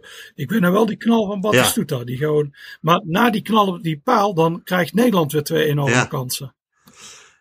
Ja, Kluiver die kopt een minuut later bijna 2-1 binnen. Dan heb je Stam vlak daarna. Dus het is, uh, ja, het is allemaal, ja, het is echt heel leuk om te zien. En dan krijgt Numan, dat is echt, uh, een enorm domme overtreding op die Simeone. ja, vanwege de plek op het veld bedoel je? Ja, het is, het is, het is aan de kant van de Argentijnen. Het is, hij, net, hij is net binnen in de middencirkel. Ja, dat is echt dom als je op geel zit. Maar heel veel spelers zitten echt heel dicht tegen rood aan. David had bijvoorbeeld ook al rood kunnen krijgen op een gegeven moment. Ik weet dat Stam, Stam krijgt dan na 10 minuten een gele kaart. Ook die 8 tegen. Die had ook misschien wel rood kunnen krijgen. De wedstrijd had ook maar 8 tegen 8 kunnen eindigen. Ik denk tegenwoordig met de VAR was dat wel gebeurd. Waardoor je, maar daardoor, ik denk dat het beter is dat dit geen VAR had. Want je bleef 11 tegen 11 spelen. Veel kansen en alles. En, uh, en je, uh, destijds was het ook uh, tegen die, die Engelsen kregen een rode kaart. En toen viel die wedstrijd dood. Maar dat is in Nederland, bij Nederland niet gebeurd. Je ziet Veron, die gaat nu een stuk meer naar voren spelen. Hoe voelen we inhoudelijk allemaal. Maar je ziet dat de Argentijnen gaan proberen dit te winnen. En wat op zich logisch is, want de Argentijnen hebben de ronde ervoor, die hebben één dag minder rust gehad. En die hebben een verlenging gehad, die Nederland niet heeft gespeeld. Dus het is echt, die wil eigenlijk winnen, want die weten voor een ronde tegen Brazilië als je wint. Dus uh, we moeten niet weer een verlenging hebben. Dus die proberen echt die 2-1 te maken. Uh, Numan, twee keer geel. Dan denk je, oei, nou wordt het wel lastig. Maar dan is, uh, is daar Edwin van der Sar. Wat dacht jij op dat moment? Ja, ik ga nog even spammen. Want uh, in de huidige staantribune, daar staat een heel interview met Numan over uh, dit toernooi. Staantribune 49, uh, 48. Ja. En inderdaad, hoe hij, hij belt ook van die derde plek later. Waardoor Nederland gaat misschien niet de finale halen. en, en ook over die rode kaarten alles. Hoe boos zij ja. was en in, die, in de catacombe kijkt en zo. En ja, dat is wel mooi om, uh, om maar te lezen. Stel, dus, uh, stel dat uh, de luisteraar geen abonnee is en de staantribune niet automatisch in zijn brievenbus of haar brievenbus heeft ontvangen. Waar kan de luisteraar deze dan nog eventueel bestellen? In de webshop van Staantribune op staantribune.nl. Kijk, nou, dan kun, kun je daar inderdaad met een fantastische cover, weliswaar een hele bekende foto, maar dan wel een hele typerende foto. Um, terug naar Edwin van der Sar. Uh, helaas uh, nu wat uh, slecht nieuws over hem op dit moment, 9 juli 2023. Ja, ja, ja, dat is wel hoop, Eerst zijn vrouw, een paar jaar geleden, nu hij. Dus hopen dat dat ja, meevalt is misschien niet het goede woord, maar dat hij er goed uitkomt, laat ik het dan maar zo zeggen. maar de, die wedstrijd een, Ja, een hele belangrijke, heel, nou, heel belangrijk moment. Ook met Ortega inderdaad, hè, die, waar iedereen op dat moment al lang dacht van, god, hè, die hadden het bloed onder je nagels vandaan. Deed hij iets heel briljants. Ja. ja, hij heet niet voor niks de kleine ezel. maar hij duikt en even denk, denk je dat de strafschop Ja. wordt. Ja, Op dat moment. Dan wordt het niet. Ortega krijgt geel voor duiken. Het is ook geen strafschop. En daarna gaat Van der Sar hem provoceren. Die gaat boven hem hangen. En die domme Ortega gaat naar boven met die grote pruik van hem. Tegen de kin van Van der Sar aan. Volgens mij is het niet eens zo'n Nee. harde tik. En Van der Sar gaat heel, heel Ja. mooi neer. Dus ja. En zie ik die domme Ortega, dan denk je, ah, het gaat Ja. eruit. En dan denk je, ja, Nederland is al te slecht in strafschoppen. We staan met een man meer en dan doe je zoiets. Dat is een beetje wat die Belgen ook deden tegen de Mexicanen. 2-0 voor, tegen 10 man. Zorg ervoor dat je geen rode kaart krijgt. Dat is eigenlijk wat die Argentijnen hier ook moeten doen. Zorg ervoor dat je geen rode kaart Ja. krijgt. En wat doet die Ja. domme Ortega? Die krijgt een rode kaart. Eh, niet heel veel later komt eh, misschien wel een van de bekendste goals van Nederlands elftal eh, op een WK. Ja, ja natuurlijk. Paas eh, de Boer. En dan drie geniale aannames van eh, Ja. Bergkamp. En eh, ja, het was wel een gekkenhuis. Ik denk overal in Nederland. Hoe vaak ben jij over de kop gerold? Dus- over de bank, iemand een elleboogje per ongeluk verkocht? Ja, nou, we hadden de traditie, mij heb ik in de allereerste aflevering gezegd, dat wij die kat pakten, die Karel, die lag al tussen ons, en die ging, die we houden, hielden we vast, en die ging naar voren in de Polonaise. Maar nu duurde het even, omdat we zo aan het juichen waren. Die kat wist, als die gasten gaan juichen, dan word ik gepakt en dan moet ik in die Polonaise. Dus die kat maakte er tussenuit. Dus ja, toen probeerde een van die maten van mij, die was toevallig nog keeper van Sigo 1, die probeert het tegen te houden, die staat zo om die kat tegen te houden. Die kat die springt. We hebben er heel veel over die sprong gehad. Die springt, lijkt wel twee meter hoog te springen. Over hem heen. En die gaat naar buiten. Dus ja, dus ze hebben voor hem geapplaudiseerd voor die kat. Maar die had Ja. het wel door. Ja, dit was echt... en je weet eigenlijk zo van... Nu is het in principe wel Ja, binnen. het doelpunt werd later ook verkozen tot het mooiste doelpunt van het toernooi. Eh, ook, wel, eh, ook wel terecht, denk ik. Eh, kijken wij er natuurlijk een beetje met een gekleurde bril naar. Maar als je dat even loslaat, is het natuurlijk een fantastisch doelpunt. Zeker het moment, de aannames, ja, ja, alles. wat ik denk samen met die van... eh, ja, die natuurlijk... Nou, het doelpunt van Ebbe Sant was ook mooi. Die paas van Ja. Laudroep. Maar niet zo mooi als deze. Die van Michael Owen was heel mooi tegen Argentinië. En eh, ja, die actie van Prozinecki tegen Jamaica. Maar deze is dan nog... Omdat het drie perfecte balbehandelingen Ja. zijn. Het is... ik denk wel inderdaad dat dat terecht is. En het moment, alles speelt natuurlijk mee. Ja, dat maakt het toch wel tot een... tot ultieme doelpunt. Eh, hoe mooi eh, deze dag al eh, begon aan de vooravond met deze wedstrijd. Hoe mooi werd deze 4 juli 1998 alsnog? Of nog, nog meer, zo moet ik het eigenlijk zeggen. Want dan, ga- dan gaan we Ja. naar Duitsland-Kroatië. Ja, Nou, nou, iedereen bleef toch hangen. Bij ons zeiden ze, ah, we gaan die wedstrijd ook kijken. Ik denk als Nederland al had verloren, dan gaat iedereen over het zeik naar Ja. huis. Maar in dit geval niet. Ze bleven allemaal. Ik ben natuurlijk eh voetbalhoeren.be. Dus ik trok een Kroatische shirt aan voor deze wedstrijd. Ik had zelfs dat moment, eh, ik had het eigenlijk al mijn moeder toch wel smink op mijn gezicht gedaan. Nederlandse smink. Dus ja, er is een foto van, maar die moet vernietigd worden. Dus ja, en uh, dus dat is voor deze wedstrijd. Maar iedereen is al redelijk in de olie.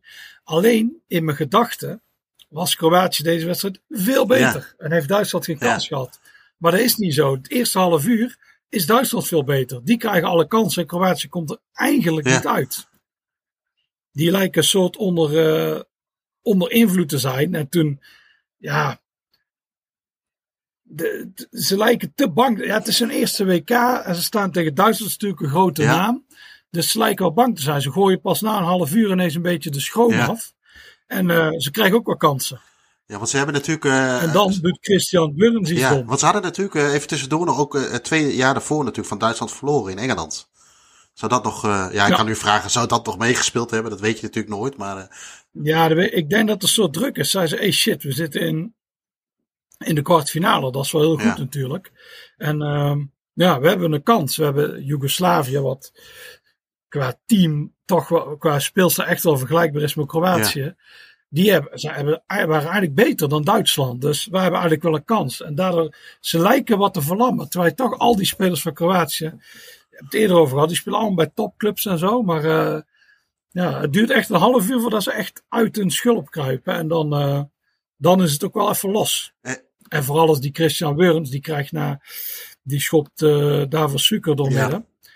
Iets vijf minuten voor rust en die krijgt rood. Dus toen werden er in Tilburg heel veel anti-Duitse liederen gezongen. Dus dat vond ik wel heel wil mooi. Je, wil... Niet dat we nog over de oorlog kunnen Ik wou net zeggen, wil je nog een paar van dat repertoire even uh, delen met de luisteraar? Of zullen we die in de tijdsgeest uh, daar nee, laten? Nee, er zijn onder andere liederen die door Henk Spaan zijn, uh, zijn gezongen. Dat dus, weet. Henk niet meer, denk ik, op dit moment. Hè? Dan wil doet hij afstand van. Nee, nee, nee, die heeft daar geen actieve herinnering aan. Dus, ja, en, en, en, en uiteindelijk benutten ze die numerieke veldmeerderheid, zoals dat zo mooi heet, nog voor rust.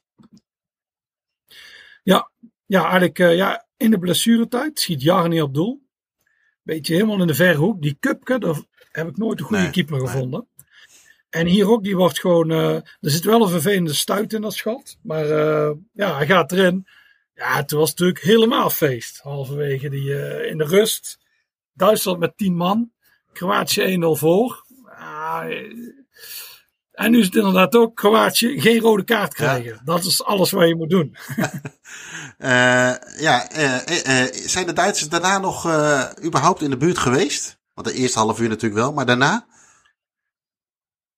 Jawel, maar eigenlijk had Kroatië, volgens mij Davos Sukar, die wordt, er wordt echt een duidelijke overtreding op hem gemaakt in het strafschopgebied, maar hij valt niet.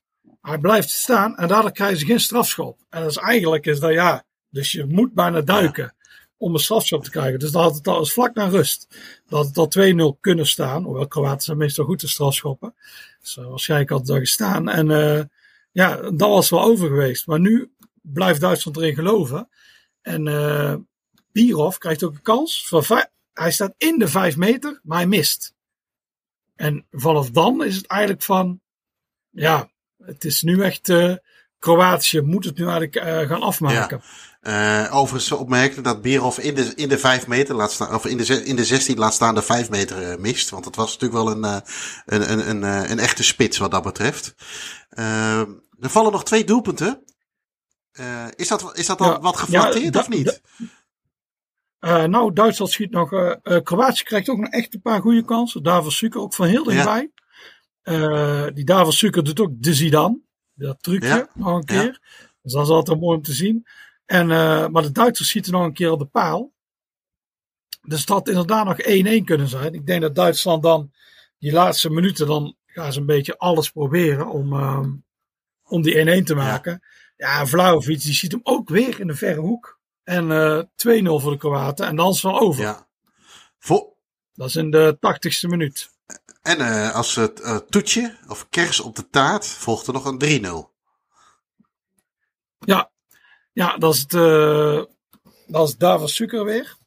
Of Suker. Ja. Die uh, maakte 3-0. En toen was het bij ons echt helemaal gek huis. Op een gegeven moment, ik had alleen maar een boxershort aan. Dat is schel voor de vrouwelijke lezers. En een Kroatië shirt. Uh, er loopt op de Polonaise met een kat. Dat is allemaal, het is echt een mooie, ja, dit was echt koekenbak. Oh, ik was eerst die wedstrijd van Nederland. En dan gewoon Kroatië met 3-0 voor staat tegen Duitsland. Dus de laatste minuten was het alleen maar, Ja. Echt alleen maar feest bij ons. Eh, eh, En, En eh, misschien bij jou ook wel, want jij doet net of je zo pro-Duits bent. Maar eh, dat geloof ik niet. nee, zeker niet. Het was een en al euforie. En dit zijn de mooiste combinaties natuurlijk. Net zoals ik ook heel hard Ja. juichte toen Sofia daarvoor uitgeschakeld werden door de Bulgaren. Overigens nam na deze wedstrijd Jurgen Klinsman afscheid als, als, als uh, speler van die manschaft. Wat overigens ook de gebroeders Lauderop deden na een uitschakeling tegen, uh, in de kwartfinale waar we het net over hadden. Dus toch wel wat grote, ja, nou ja, grote spelers. Ja, nee, zeker grote spelers die er dan weer mee stoppen. En dat blijft toch ook wel weer, en we hebben het al wel vaak genoemd aan dit WK. Het was gewoon echt één bak vol met, ja, jaren negentig legendes. Hè, eh, Batistuta, nou ja, goed, we kunnen het hele rijtje weer opnoemen. Maar dan vallen deze drie jongens natuurlijk ook wel een beetje onder. Ja. Nee, nee, zeker. Het is eh, wat gisteren Wietse van de Goot zei. Eh, of gisteren. hebben die, was Ja, nou, ik heb in ieder geval Ja. geluisterd en die zei het ook zo. Ja, je hebt niet zoveel entertainers Nee. meer. Of spelers die iets geks doen. Iedereen, iedereen is hartstikke fit. Al die voetballers zijn allemaal Uh, ze zijn ook gewoon goed, alleen heel veel spelers spelen in dienst van een elftal. En uh, nu had je echt nog heel veel individuele acties, wat langzaam is verdwenen. Dus spelers zijn ook heel erg uh, inwisselbaar geworden, vind ik. En dat is hier natuurlijk nog niet. Zo uh, speler als JJ Okocha, ja, op Noah Lang na. maar ja, ja, nee, nee, maar ja, spelers die iets geks doen, die, die, die zie je niet meer zoveel. Nee, nee. dus ik denk, ja, het voetbal is gewoon, is gewoon veranderd. Ja wat dat betreft. Um, gaan we naar de halve finale. In de halve finale zitten drie Europese landen en één Zuid-Amerikaans land. Uh, voor de statistieken uh, mannetjes onder ons. Dat was hetzelfde als in 94. Uh, nu hebben we natuurlijk Brazilië, Nederland en, en Kroatië en Frankrijk. Ehm, toen was Brazilië er ook bij in 94. En ehm, uh, was het Italië en Zweden en Bulgarije natuurlijk in de, in de halve finale. Ik moet er altijd, overigens altijd even over nadenken over 94. Dat Zweden daar ook heel goed deed. Bulgarije zit nog wel in mijn hoofd. Kan te maken hebben met die uitschakeling van de Duitsers. Maar ja. de Zweden waren daar eigenlijk ook al wel, uh, wel, uh, wel heel goed. Ja, ja, die speelden niet zo spectaculair. Nee. Dat was die hadden die doelman, die Ravelli. Brolin. Zo. Die was wel, ja. wel gek, maar uh, voor de rest was het niet echt een heel spectaculair team. En dat had je nu wel. We hadden natuurlijk een paar WK's gehad. In 90 was het ook allemaal. Ja, dat was geen feest voor de nee. ogen. Dat was echt heel taaie kost om te kijken. Ondanks dat je toen nog wel veel individuele kwaliteit had. Ja. En in 94 ook, maar dat was het ook. Ook dat Brazilië wat daar won. Dat vond ik wel een stuk minder dan Brazilië in 98. Ja. Ook een beetje saai elftal wat gewoon teerde op uh, Romario en Bebeto. Ja. Maar um, uh, ja, wat je zei, ja, zoals saai Zweden. Dat kwam, uh, eigenlijk was Argentinië toen leuk. Argentinië en Roemenië waren leuk. Maar Argentinië zat natuurlijk dat uh, Maradona een beetje aan de snuisterij had gezeten. En daarna zijn die ingestart. Ja. En ja, Roemenië helaas eruit. Snel in de kwartfinale. Ja, en, en, als laatste overigens, dat heb ik ook altijd bij de Zweden. Die had ik ook heel vaak dubbel met die Panini plaatjes. Martin Dalin en dat soort jongens. Die had ik op een of andere manier voor mijn gevoel altijd heel vaak in mijn pakje met plaatjes zitten. Um, ja. halve finale. Brazilië-Nederland. Ja, eigenlijk ja. zou ik hem het liefst overslaan. Uh, dat is het gevoel wat ik erbij ja, heb. Echt, uh, we weten al hoe het eindigt. Het is gewoon kut. Uh, het, het leuke is overigens, ja. na, deze uitzend, na deze aflevering hebben we nog één aflevering in deze reeks van 25 jaar WK 98. Dat is met, met Pierre van Hooydonk. Uh, niet geheel toevallig, uh, maar uh, die zal het ook nog uitgebreid hebben over, over deze wedstrijd en hoe hij die wedstrijd beleefd heeft. maar ja, nee, wat ik zei, het, het, hetzelfde als, ik heb het natuurlijk niet meegemaakt, maar vroeger had je van die videobanden van de WK's, of zo'n verzamelband. Alle WK's werden dan even vanaf de eerste tot aan, ik denk dat het toen 1990 was, die stond er natuurlijk nog niet op, maar tot en met tot 1990 was dat alle, sowieso de finales erop stonden. En ik, ik, ik spoelde eigenlijk sowieso die finale van 74 altijd door. Die keek ik nooit terug. Heel gek eigenlijk, maar dat is zo'n zo herinnering. Maar dat heb ik eigenlijk bij deze wedstrijd ook. Brazilië en Nederland. Uh, staat bij mij eigenlijk niet zo in de boeken. Ja. Nee, ik had het ook. Het was afzien om deze weer te kijken. En toen zag ik inderdaad wel van misselijk volk. Daar had je Roberto Carlos, ba Junior Baiano, ja. Dunga, Rivaldo, Bebeto. Ik denk zo, oeh, was het toch eigenlijk een misselijk elftal. Ja, en, dus, en, en wij zelf, want uh, als je even dan hè, het moment van de penalties, uh, de goals ook weer even loslaat en uh, de, ja, gewoon de hele de, de wedstrijd wat we al weten. Maar Numan die was natuurlijk geschorst. Maar zijn opvolger, Winston Bogarde, die was geblesseerd geraakt. Waardoor Zenden erin moest komen. Overigens hoeft dat niet per se een, een verzwakking te zijn. Maar het, het, lus, het lullige was ook nog dat Overmars ook nog geblesseerd was geraakt. Dus we hadden best wel wat personele problemen, om het zo te zeggen. Ja, ja volgens mij is Kokuto linksback gezet. En Zenden links buiten. Links ja. buiten, links ja. half. Dat is uh, toen de oplossing. Het is, uh, het is wel, dit is ook weer best een leuke wedstrijd. Je ziet uh, vrij veel kansen in de eerste helft. Aan beide kanten. Ik denk dat de grootste kans, de eerste echt heel grote kans is voor Kluivert. Ja. Kopbal. Ja. Die hij later wel gaat maken. En Bebeto krijgt een heel grote kans, maar die heeft, die kan, die, zijn schoen, hij heeft maatje 36, die is net iets te klein. Dus, dus die mist die bal. Maar dat had inderdaad, ja, daar hadden we heel veel doelpunten kunnen ja. vallen. Ik zou zeggen dat de eerste helft. Het is redelijk gelijkwaardig. Ik dacht altijd dat Brazilië veel beter was in de eerste ja. helft. Het is redelijk gelijkwaardig. Ik zou zeggen dat Brazilië net iets sterker is. Het gevoel had ik ook altijd wel. De kansen kijken. Ja. Ja. ja, maar het is minder, uh, minder, overtuig, minder sterk dan ik had gedacht. Ik dacht echt, oeh, we hebben de eerste helft heel lastig gehad. Maar Nederland komt er toch best vaak uit en krijgt best wel kansen. Uh, dan zeggen ze wel vaak dat, dat zo'n wedstrijd dan misschien uh, dat het nog leuker kan worden als het een doelpunt krijgt. Ja, helaas. Die valt al één minuut na de ja. rust. Maar wel, eerlijk gezegd, het is echt een ja, knap doelpunt. Hoe, uh, het is, Cocu staat, die heeft geen kans tegen Ronaldo. Ronaldo neemt die bal echt perfect aan. En uh, door de benen van Van der Sar. Ja. het is echt een spitse doelpunt. Het is, wat Wietse van de Goot zei, die Messi-Ronaldo discussie, die moet over Messi en deze Ronaldo ja. gaan, niet over die flapdrol. dus ja, dat is, het is echt belachelijk dat mensen denken dat die beter is dan deze Braziliaanse ja, ja, Ronaldo. Hij maakt wel penalties. Hij koopt goed verkrachting af, maar het is natuurlijk echt een enorm lelijke antivoetballer. Maar... Echt een, doel, echt een Inzaghi doelpuntenmaker. En deze is echt, hoe je ziet als je voetbal liefhebber, als je houdt van prijzen en doelpunten, ja. dan snap ik dat je van die andere Ronaldo houdt. Maar deze Ronaldo, die, die klasse, die druipt er vanaf. Hoe hij die, die bal aanneemt. Hoe hij dan gaat slalommen. Die kracht en die snelheid. is echt, uh, ja. ja, die is echt goed. Die is ook echt, hij is ook echt wel veel beter dan Romario. We hebben natuurlijk Romario heel lang ja. gezien in Nederland. Waardoor we misschien denken, ah, gelijk, zijn gelijkwaardig. Maar Ronaldo was echt, uh, Romario is echt zo'n poacher, zoals ze die ja. noemen. Zo, terwijl Ronaldo is echt een heel goede voetballer. Ja, die, die heeft uh, echt... Uh, dit WK ook. Ja, echt, de beste voetballer dit WK. Echt, met afstand. Echt talent. Hè? Wat je ook, we hebben het eerder genoemd. Die uh, wedstrijd bij Inter op dat knollenveld in, in, in, Rusland. Maar ook die, dat doelpunt tegen, volgens mij bij Barcelona tegen Celta de Vigo of zo. Die, die slalom. dat zijn natuurlijk hele... ehm, ja, echte Ronaldo doelpunten. die, die, ja. die, wat hij natuurlijk perfect kon. En hij maakt dus de 1-0. En... ehm wat mij ook altijd bijstaat, is dat hij ook heel dicht bij de 2-0 was. Ja, ja een, een, aantal keer. Hij is uh, op een gegeven moment red van de Sar goed. En je hebt de keer dat Davids nog ingrijpt. Ja. En die had, allebei hadden, die, hadden wel dat het 2-0 kunnen zijn. En ik denk zelfs, of David speelt weer heel erg op de randje, net als tegen Argentinië. Ja. En Davids had ook misschien, die had in de huidige tijd denk ik wel rood gekregen. Want er zijn, er zitten echt een paar, ze pakken Ronaldo heel hard aan hoor, als je deze ja. wedstrijd kijkt. Een paar keiharde tackles en zo. Alleen daar kwam je toen nog gewoon mee weg. Maar het is nu is het inderdaad zo dit ook weer heel, ja dat spelen spelers niet zo. Omdat je dan, dus daar zie je dat, uh, bijvoorbeeld een Messi, wat een heel goede voetballer is natuurlijk. Ja. Maar die heeft wel een stuk makkelijker. Want deze gasten zelfs, ik had het gevoel in de jaren 90 was het niet meer zo hard nee. als bijvoorbeeld in de jaren 70 en 80. Maar het is zelfs dit toernooi is het echt nog spijkerhard. Het zijn echt knalharde overtredingen.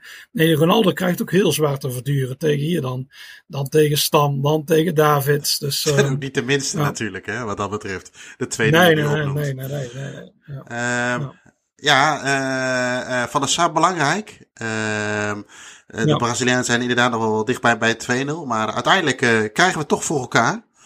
Uh, door een, uh, ja, ja ik, ik, we hebben ook dat al wel eerder genoemd. Maar vlak voor tijd scoort Kluivert natuurlijk die kopbal. Maar die uh, is natuurlijk een fantastische kopbal. Hoe hij ook in die lucht hangt. Kijk, je hebt, je hebt kopballetjes, kopballen.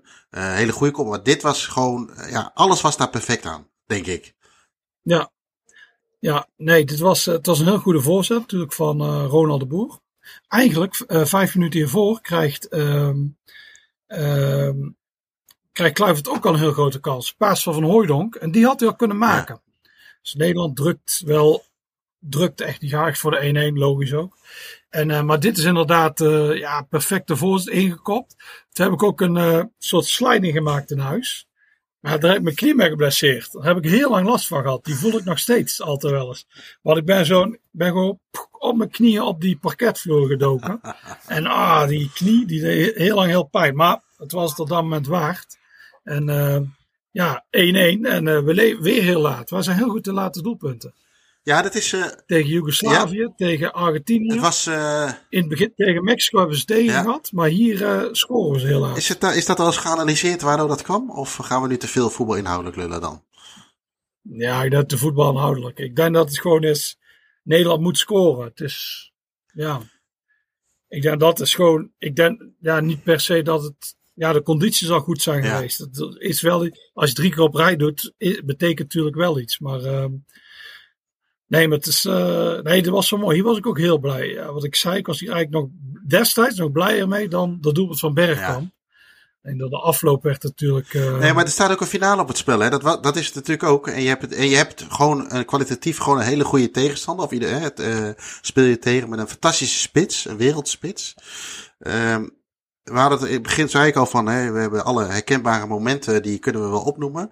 Maar 1-1, we gaan verlengen. Hoe uh, zag het wedstrijdbeeld in de verlenging er eigenlijk uit? Ik kan me dat niet zo goed meer herinneren van 25 jaar geleden. Nou, uh, Brazilië heeft de Nielsen ingebracht. En de Nielsen is eigenlijk ook een speler, dat is wel mijn type speler eigenlijk. Heel veel continu scharen, overstappen. Hoe deed hij dat? Nou, ik maak even de beweging met mijn handen. Dus dat kan, kunnen ze thuis niet zien. Maar dat is ook, een, ja, ook zo'n speler die je eigenlijk niet meer zoveel nee. ziet. Die, was, die, was, uh, die ging naar Betis. Dat was dat moment het wereldrecord aan, uh, aan prijzen. Maar dat was een heel leuke voetballer eigenlijk om te ja. zien. Met zijn trucjes en zo. Alleen het had soms echt geen, geen effect. Maar een paar keer geeft op een gegeven moment een voorzet. Dan lukt het met die, met die scharen.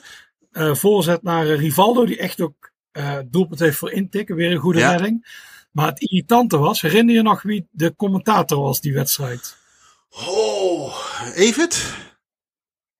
Ja. ja, die was echt extra. Even ten Napel te objectief ja. zijn. Dat ja. kan.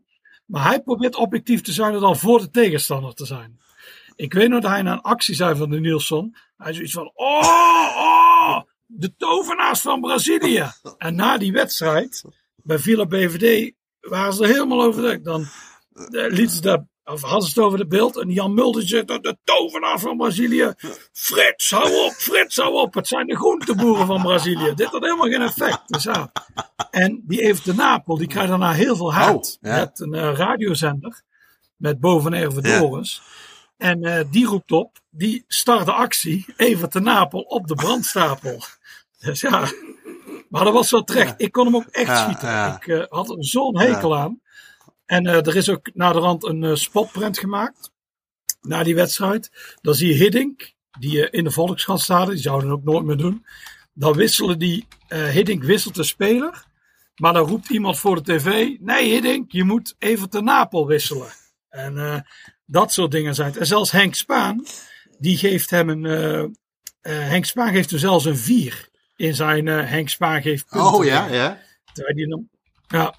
Ik heb ergens opgeschreven wat hij uh, schrijft. De, overigens, uh, ik kan me, het is een heel ander moment van uh, in, in het toernooi. Oh ja, het gewauwel was werkelijk niet om aan te horen, al de Spaan. Dus, ah. ah, ik vind met, met toernooien als dit, als Nederland speelt, dan mag je voor mij echt wel chauvinistisch zijn en de, de tegenstander wat downplayen. Uh, ja, ik heb... Die Zuid-Amerikaanse commentatoren vinden we allemaal geweldig. Oh, maar geweldig dat ze dit ja. doen, of Zuid-Europese. En dan moet dan zo iemand, of je hebt zo'n dode diender als Theo Rijtsma. Maar dat heb ik dan nog liever dat is een even de Napel die dan voor de tegenstander ja. is, omdat hij heel, heel ja, ja, is. Of, uh, ja, dat is ook heel irritant. Uh, dus uh, maar... nee, hij kreeg doodsbedreigingen. Hij, in dat, die radio werd hij ook genoemd. Een landverrader, een meelijwekkende herhalen van nutloze feitjes, emotieloos en overdreven objectief. En er heeft er iemand, die heeft daarna alle commentatoren, alle wedstrijden van Everton Napel teruggekeken. En die heeft meer dan 60 keer geturfd dat hij de messen zijn geslepen, heeft gezegd. En ook spelers en scheidsrechters gaven volgens de Napel voortdurend hun visitekaartje af. Zei hij een paar keer in de wedstrijd. Dus gewoon ook een slechte commentator. En we hadden er een haatfiguur natuurlijk bij. Ja. Want Hugo Walker hadden moeten zitten. Ja. En niet die even ja, Napel. Ja. Dat is echt een slecht. En, maar bij de, bij de NMS zit je dan. En dan ga je ook nooit meer weg. Die blijven daar zitten tot ze 70 zijn. Dus ja, dus het duurde ook heel lang voordat we van hem af waren. Maar het was fijn dat we een haatfiguur hadden. nou ja, goed. Uh, als we even terug... Want het loopt uit Ja, juist. Want uh, we gaan naar de strafschoppen toe. Uh, ja, daar, daar, zijn we, daar zijn we niet zo handig in. we hebben een kleine... Nou, nou, nou. We hebben, Kluivert krijgt ook nog een enorme kans op de 2-1. Oh. Eigenlijk in de blessuretijd. Ja. En we hebben natuurlijk de penalty. Uh, oh, sorry, ja, daar gaan we eenmaal zo aan voorbij. Uh, omdat het, we zitten nog een beetje in de ontkenningsfase. Ja, ja natuurlijk straks met uh, Pierre. Nee, nee, ja, ook, maar ook een beetje nog in die ontkenningsfase. In de blessuretijd van de reguliere speeltijd krijgen, ja, wordt, wordt, wordt, wordt Van Hooyd ook neergehaald. En ja, wat. Kijk, nu zal dat beeld, en dat vertelt, en dat zal Pierre straks ook nog vertellen in de volgende uitzending. Nu zou zo'n moment natuurlijk van alle kanten in beeld gebracht worden. Er komt inderdaad, hè, noemde jij net al, een VAR bij. Uh, nou ja, dit, op dit moment was dat 100% de penalty geweest. Maar uh, uh, ja, ik, ik wilde niet veel over te verklappen. Was misschien niet zo leuk voor de volgende aflevering. Maar uh. Van Hoorde krijgt natuurlijk die vraag enorm vaak. Hè. Die heeft iets uh, in zijn telefoon staan, waardoor hij eigenlijk zegt, dit zegt genoeg. Uh, wat ik eigenlijk mee wil aangeven is, het, het, blijkbaar is dat moment bijna, is, is dat niet herhaald geweest en hij krijgt gewoon een gele kaart voor een zwalbe. Ja. En nu, en nu ja, zou je het natuurlijk honderd keer herhaald. Is, alhoewel, dat zeg ik nu wel. ik weet niet, weet niet of je nog kunt herinneren, Nederland, Argentinië, die penalty. Dat is de 1-0 volgens mij, hè. doe ik even uit mijn hoofd. Uh, ja. was wel, maar dat werd ook niet herhaald. Dus dat is, het gaat niet helemaal op. Maar toen was dat heel anders dan nu natuurlijk. Uh, uh, want ja, ja goed, alle foto's wijzen in ieder geval wel uit dat het een 100% penalty was. Ja, ja, het was een strafschop. En toen hadden wij het gevoel, hé, hey, die boel is omgekocht. En later krijg je ook al die verhalen dat Nike en de organisatie die wilde de finale Frankrijk Adidas, het vlaggenschip van Adidas tegen het vlaggenschip van Nike, wat op dat moment Brazilië, Brazilië was.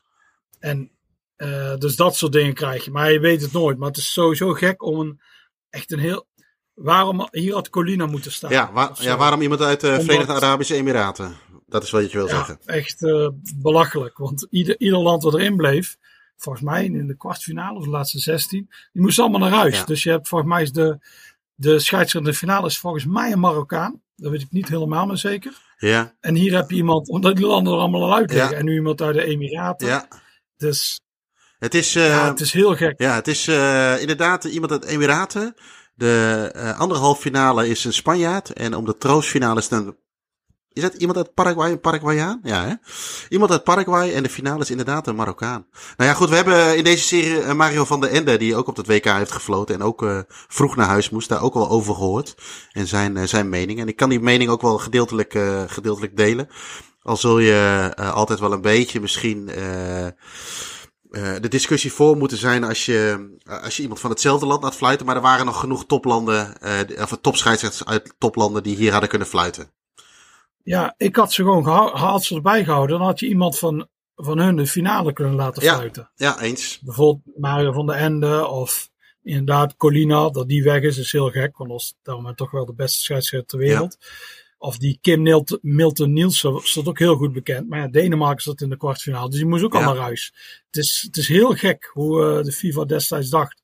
En nu heb je deze gast. En ja, het is... Uh, ja, het had een strafschop moeten zijn. Inderdaad, je weet niet of hij was ge, gescoord, maar het blijft toch wel te smetje. Dus ja, als je bijvoorbeeld kijkt, nou, dat had Frank de Boer hem genomen. Ja. Misschien kijk hoe Frank de Boer de eerste strafschop neemt in die strafschopserie. Ja. Die zit er gewoon helemaal. Ja. Die zit er mooi in. Dus uh, ja, nu kwamen de strafschoppen en denk je, ja, non de ju. Dit gaat, uh, dit gaat hem weer niet worden. Twee... En uh, het werd hem inderdaad ook niet. Nee, 92, 96 en er kwam 98 bij. Uh, ja. Cocu en Ronald de Boer, die missen hem. Ik zag uh, laatst ja. nog een penalty. Die allebei een heel goed toernooi ja. hadden tot dan toe. Ik zag laatst nog een, een samenvatting terug van Nederland-Zweden in 2004. Toen miste Cocu ook. Dus, uh, en het mooie is, nou ja, dit is niet mooi, maar ik ben bij zijn afscheidswedstrijd geweest in, uh, in Eindhoven. Had hij, speelde ze tegen het huidige PSV van die tijd, plus uh, tegen de spelers waar hij mee samengespeeld had. En hij kreeg in die wedstrijd, kreeg, kwam er een penalty en die nam hij ook. Nou, wat denk je? Hij schiet hem op de paal. het, was, het was wel een beetje ja. dat wat wel aan zijn kont kleeft uh, uh, in zijn. Hij is natuurlijk een fantastische ja. voetballer. En een fantastische persoonlijkheid in het veld ook wel, denk ik. Uh, maar die, dat, dat hele penalty gebeuren, dat zit toch wel een beetje aan hem vastgekleefd wat dat betreft. En, ja. Maar ja, nee, allebei hartstikke. heel goed toernooi zelfs. En Van der Sar die stopte destijds geen één strafschop. Nee. Dus het was echt. ja, dit was altijd kansloos. Nee. Toch wel, helaas. Maar ja, het is. Als je kijkt, het, had, het is niet dat Nederland onterecht heeft verloren of zo. De teams waren echt heel gelijkwaardig. Dus ze konden allebei, uh, ja. allebei wel doorgaan. Net als een ronde eerder. En uh, ja, in dit geval zijn het de Brazilianen geweest. Alleen te zuur dat door zo'n strafschop. Uh, of dat je die strafschop niet hebt gehad. En dat we weer naar de strafschoppen verliezen. Ja. Dus ja. Eh, dat zouden we twee jaar later nog een keer dunnetjes overdoen. Tot dan uiteindelijk, eindelijk in 2004, we een keer een eh, penalty-serie op een groot toernooi eh, zouden Ja, winnen. maar ja. Maar dat is, Tegen Zweden. ja. toen, toen weet ik nog wel. Ik had hem liever verloren. Ja. Dat had je niet tegen die eh Portugezen Nee. gespeeld. Dat, dat, dat is inderdaad, dat is echt zo'n Pires-overweging. Eh, een dag later, die tegen Costa Rica vind ik dan wel goed. ja, Dat Tim Krullen wordt ja, ingebracht. dat heeft ook wel iets niks. Daarna verlies je hem natuurlijk weer tegen Argentinië. Maar Ja, ja, het mooie wat Wiets van der Goot zegt. Ik had ook het gevoel, we verloren van Argentinië, maar ik was er meteen toen overheen. Ik zei, ja, dit is gewoon, de, je kunt geen twee strafschoppen series achter elkaar. nee, Maar we hadden inderdaad zo voor tweede, jaar op rij, of tweede keer op rij in de WK-finale kunnen staan. ja, ja, eens. Ehm, wie ook nog in de WK-finale wilde halen in dat toernooi was eh, een dag later Frankrijk-Kroatië in eh Stade de France, Saint-Denis. Inderdaad gefloten door een, eh, door een Spanjaard. Ik ga het even proberen. José Garcia Aranda. Zegt mij niet zo heel veel eerlijk gezegd. Ehm, Nee, maar ook niet. Meer Lopez Nieto. ja, zo. ja, inderdaad. En eh, die, eh, die gast die net gestopt is. eh, Oh ja, La Hos of ja, die natuurlijk Ja. dingen ook floot. de, Ja, die Spaanse scheidsrechter is altijd heel slecht. ja. Die zijn echt slecht. Frankrijk-Kroatië. Ja, toch wel. Frankrijk natuurlijk. ja, hebben we het al veel over gehad. Goed elftal. Kroatië ook. Wat was dit? Dit is eigenlijk een, een fantastisch affiche, denk ik. Had dit voor een halve finale. Ja, ik had, eh, het was inderdaad, de dag van tevoren kwam je daar bij ons kijken. Maar deze wedstrijd, iedereen die had afgegeven, zei nee, nee, we geen zin meer in. Eigenlijk is iedereen wel een beetje klaar met het toernooi. Uiteindelijk kwamen we bij de finale nog wel samen.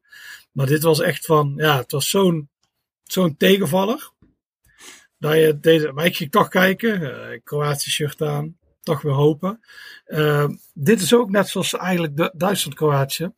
Eh, ik had het gevoel van, nou, die Kroaten hadden dit wel kunnen winnen. Ja.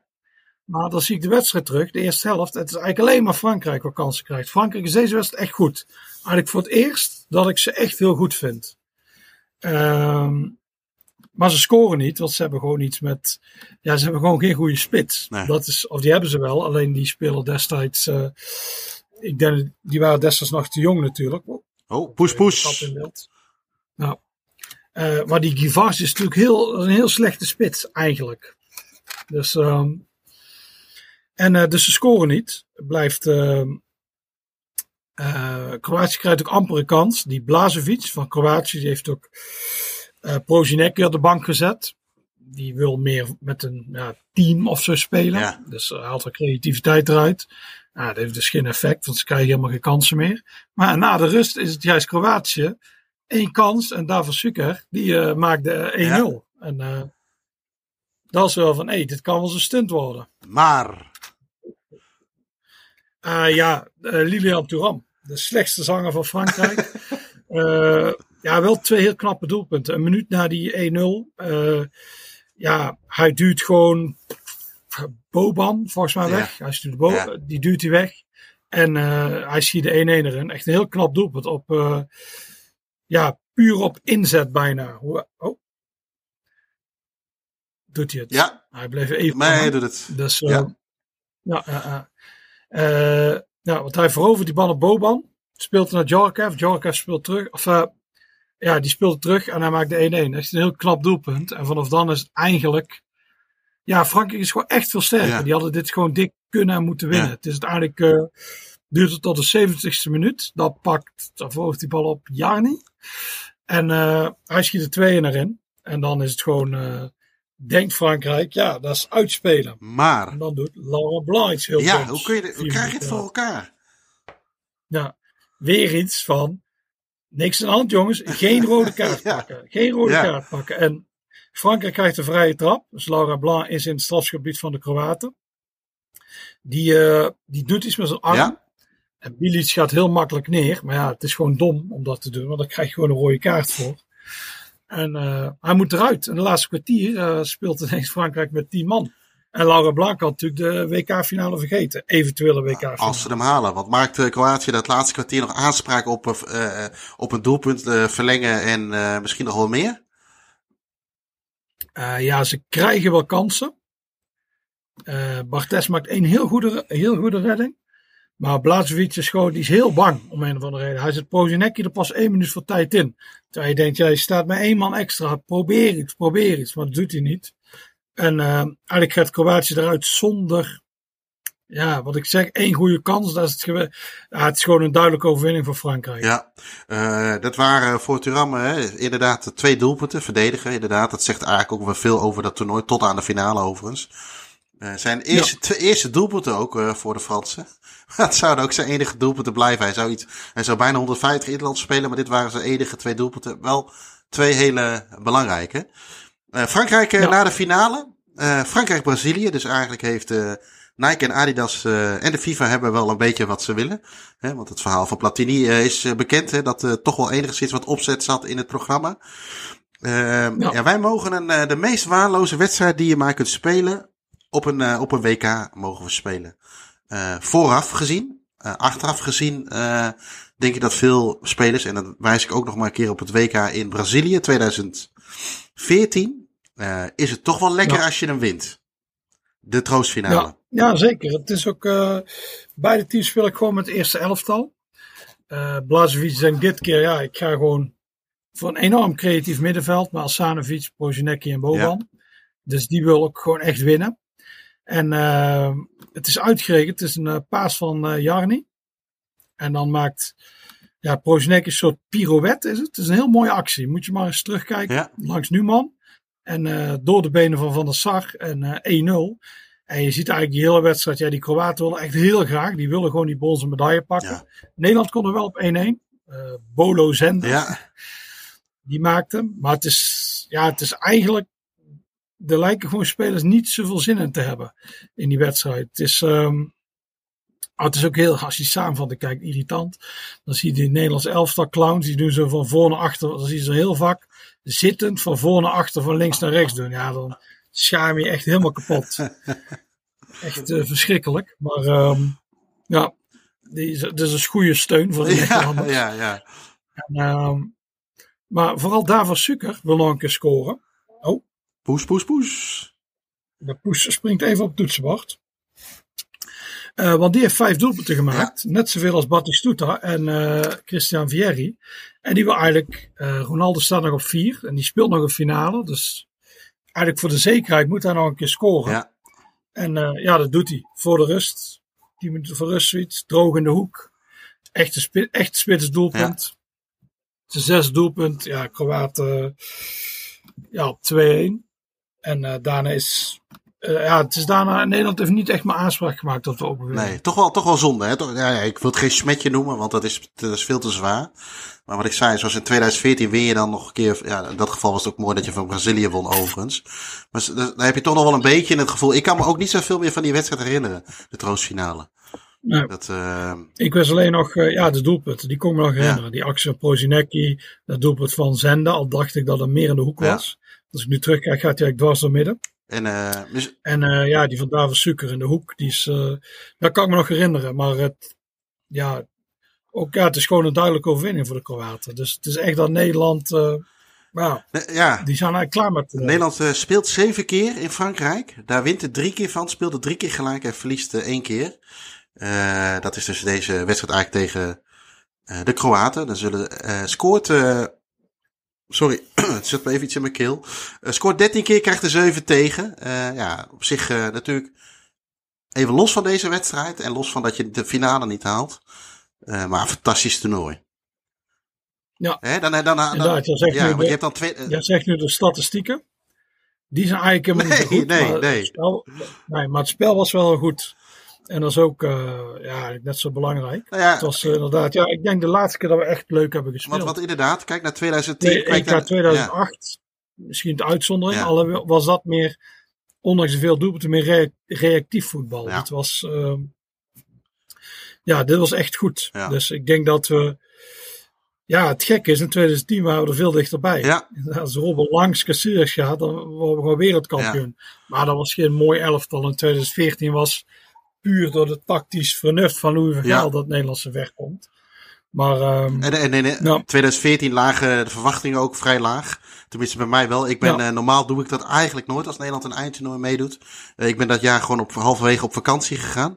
En eh, eh, dus dat was mijn vertrouwen in, eh, in Louis van Gaal en zijn selectie. Werd even eh, enorm eh, eh, eh, terecht gezet daardoor. Maar goed, het was inderdaad de tactiek. Ik, ik vond alleen eh, misschien...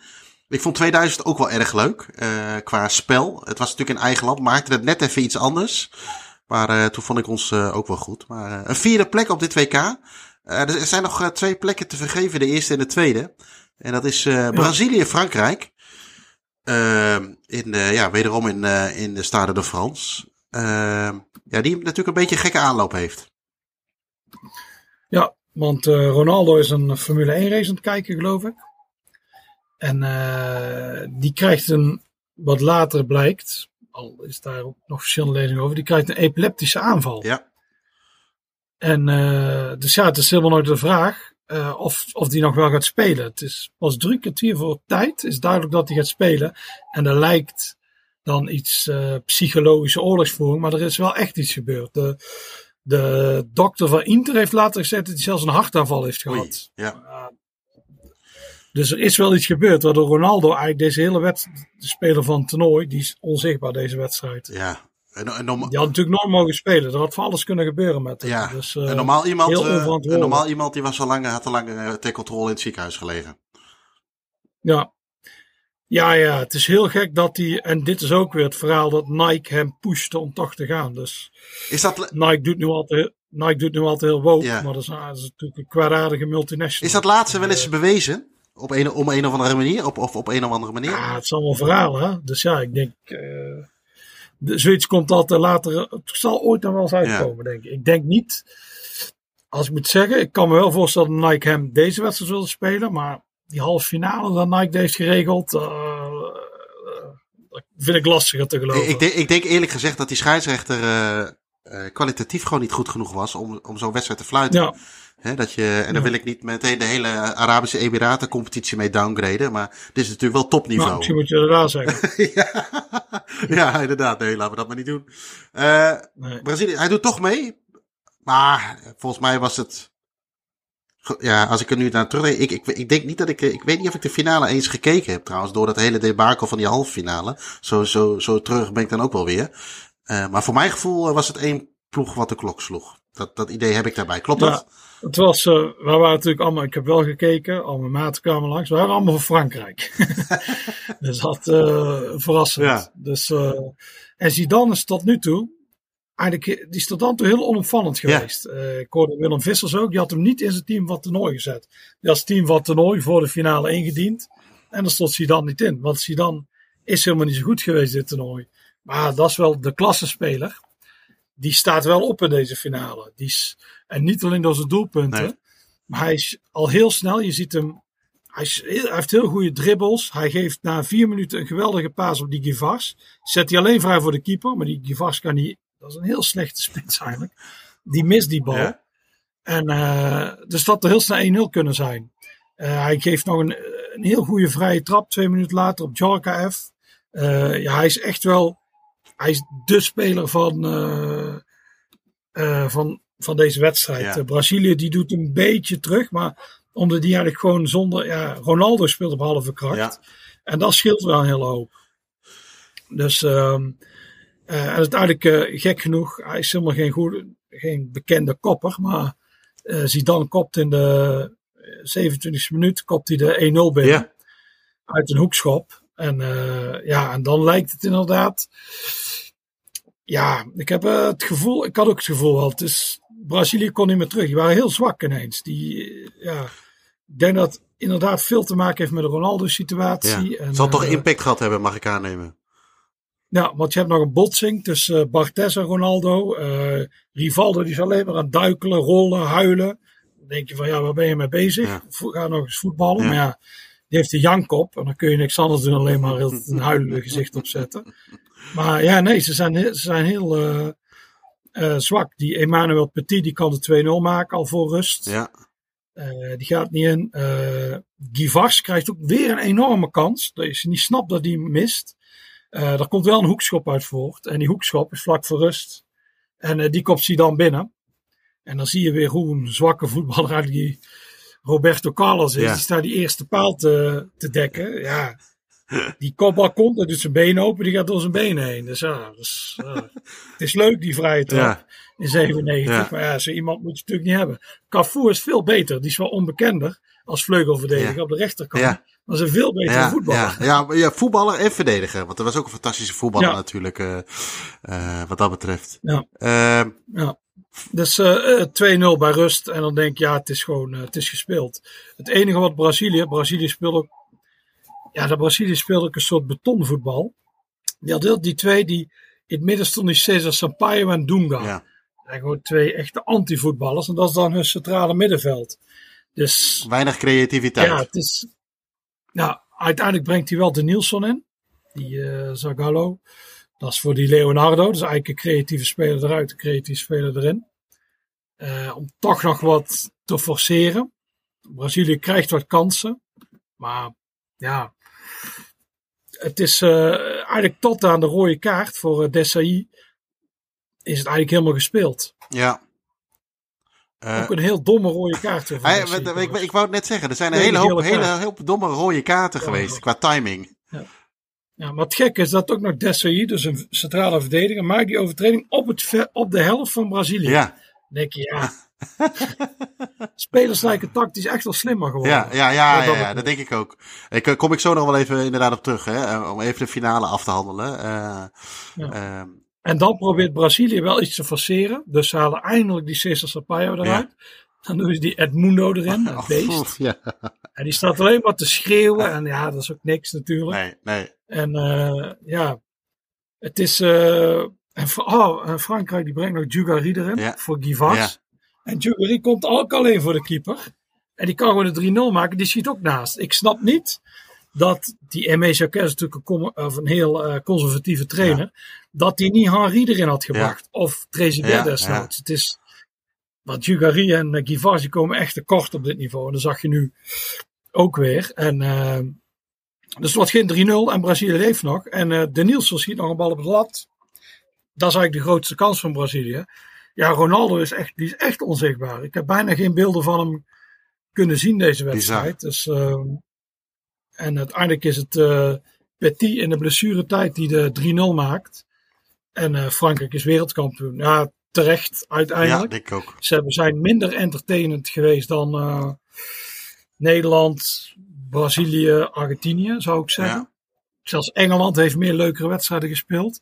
Maar dit is wel echt piek als je moet staan. Ja. Dit is, eh, ja, Ehm, dan zit het toernooi erop. 64 wedstrijden. Totaal 171 doelpunten vallen er. Waarvan er zes eh, eigen doelpunten zijn. Zit je op Wikipedia. nee, nee, dit weet ik uit mijn hoofd. Maar ik kom even terug op die, op die rode kaarten. Eh, ik, hou, ik hang nu even de Opta Wiwi uit. Eh 28 rode kaarten. Over, op, vier, Ja, echt op- heel ja, op veel. 64 wedstrijden. Dat is echt veel. dat, is echt, Ja, dat is echt veel. Nou, dat is echt niet normaal. Eh, 258, 258 eh, gele kaarten. eh twee spelers lijken echt wat, eh, ook met, mede door de VAR, lijken ze echt wel voorzichtiger ja, geworden. ja, En je ziet echt die slagerstekkels die je toen zag, heb je niet meer. die hè? zijn bijna helemaal weg. Nee, nee. Je zag er vorig jaar nog een bij van Guus Joppe. Oh, Bij Willem, Roda Willem Ja, 2 ja. op het middenveld. Ja. Guus, Joppe wist dat zijn laatste wedstrijd was. Die denkt, ja, ik schop iemand door midden. En kijk, een rode kaart. Dus ja.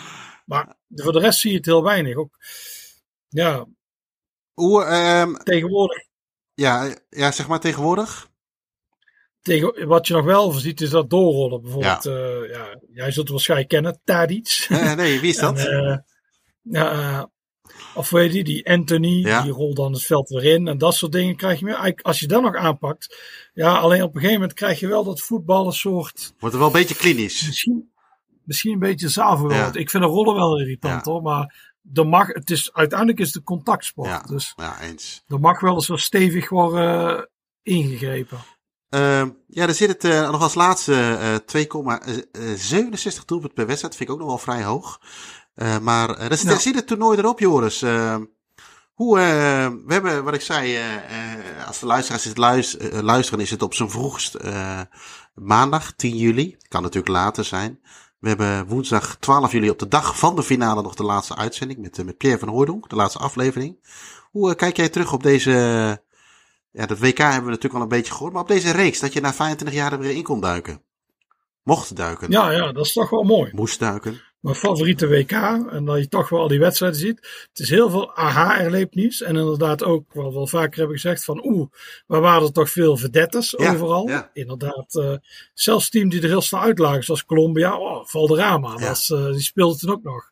En dat soort dingen uh, had je dan natuurlijk met Cameroen en zo. Ja. Dus nee, nee, heel, heel nee, leuk WK. Leuk om weer terug te kijken. Dus Nee, dit is, uh, we hebben een goede reeks gemaakt, denk ik. Welke, en ik denk dat wij geluk hebben gehad op onze leeftijd. Een beetje de eind tienerjaren. Misschien begin twintig, twintigers voor, voor misschien wat iets oudere luisteraars. Maar we zitten denk ik allemaal wel een beetje in dezelfde categorie. dat het in die fase in ons leven zo'n toernooi werd gespeeld.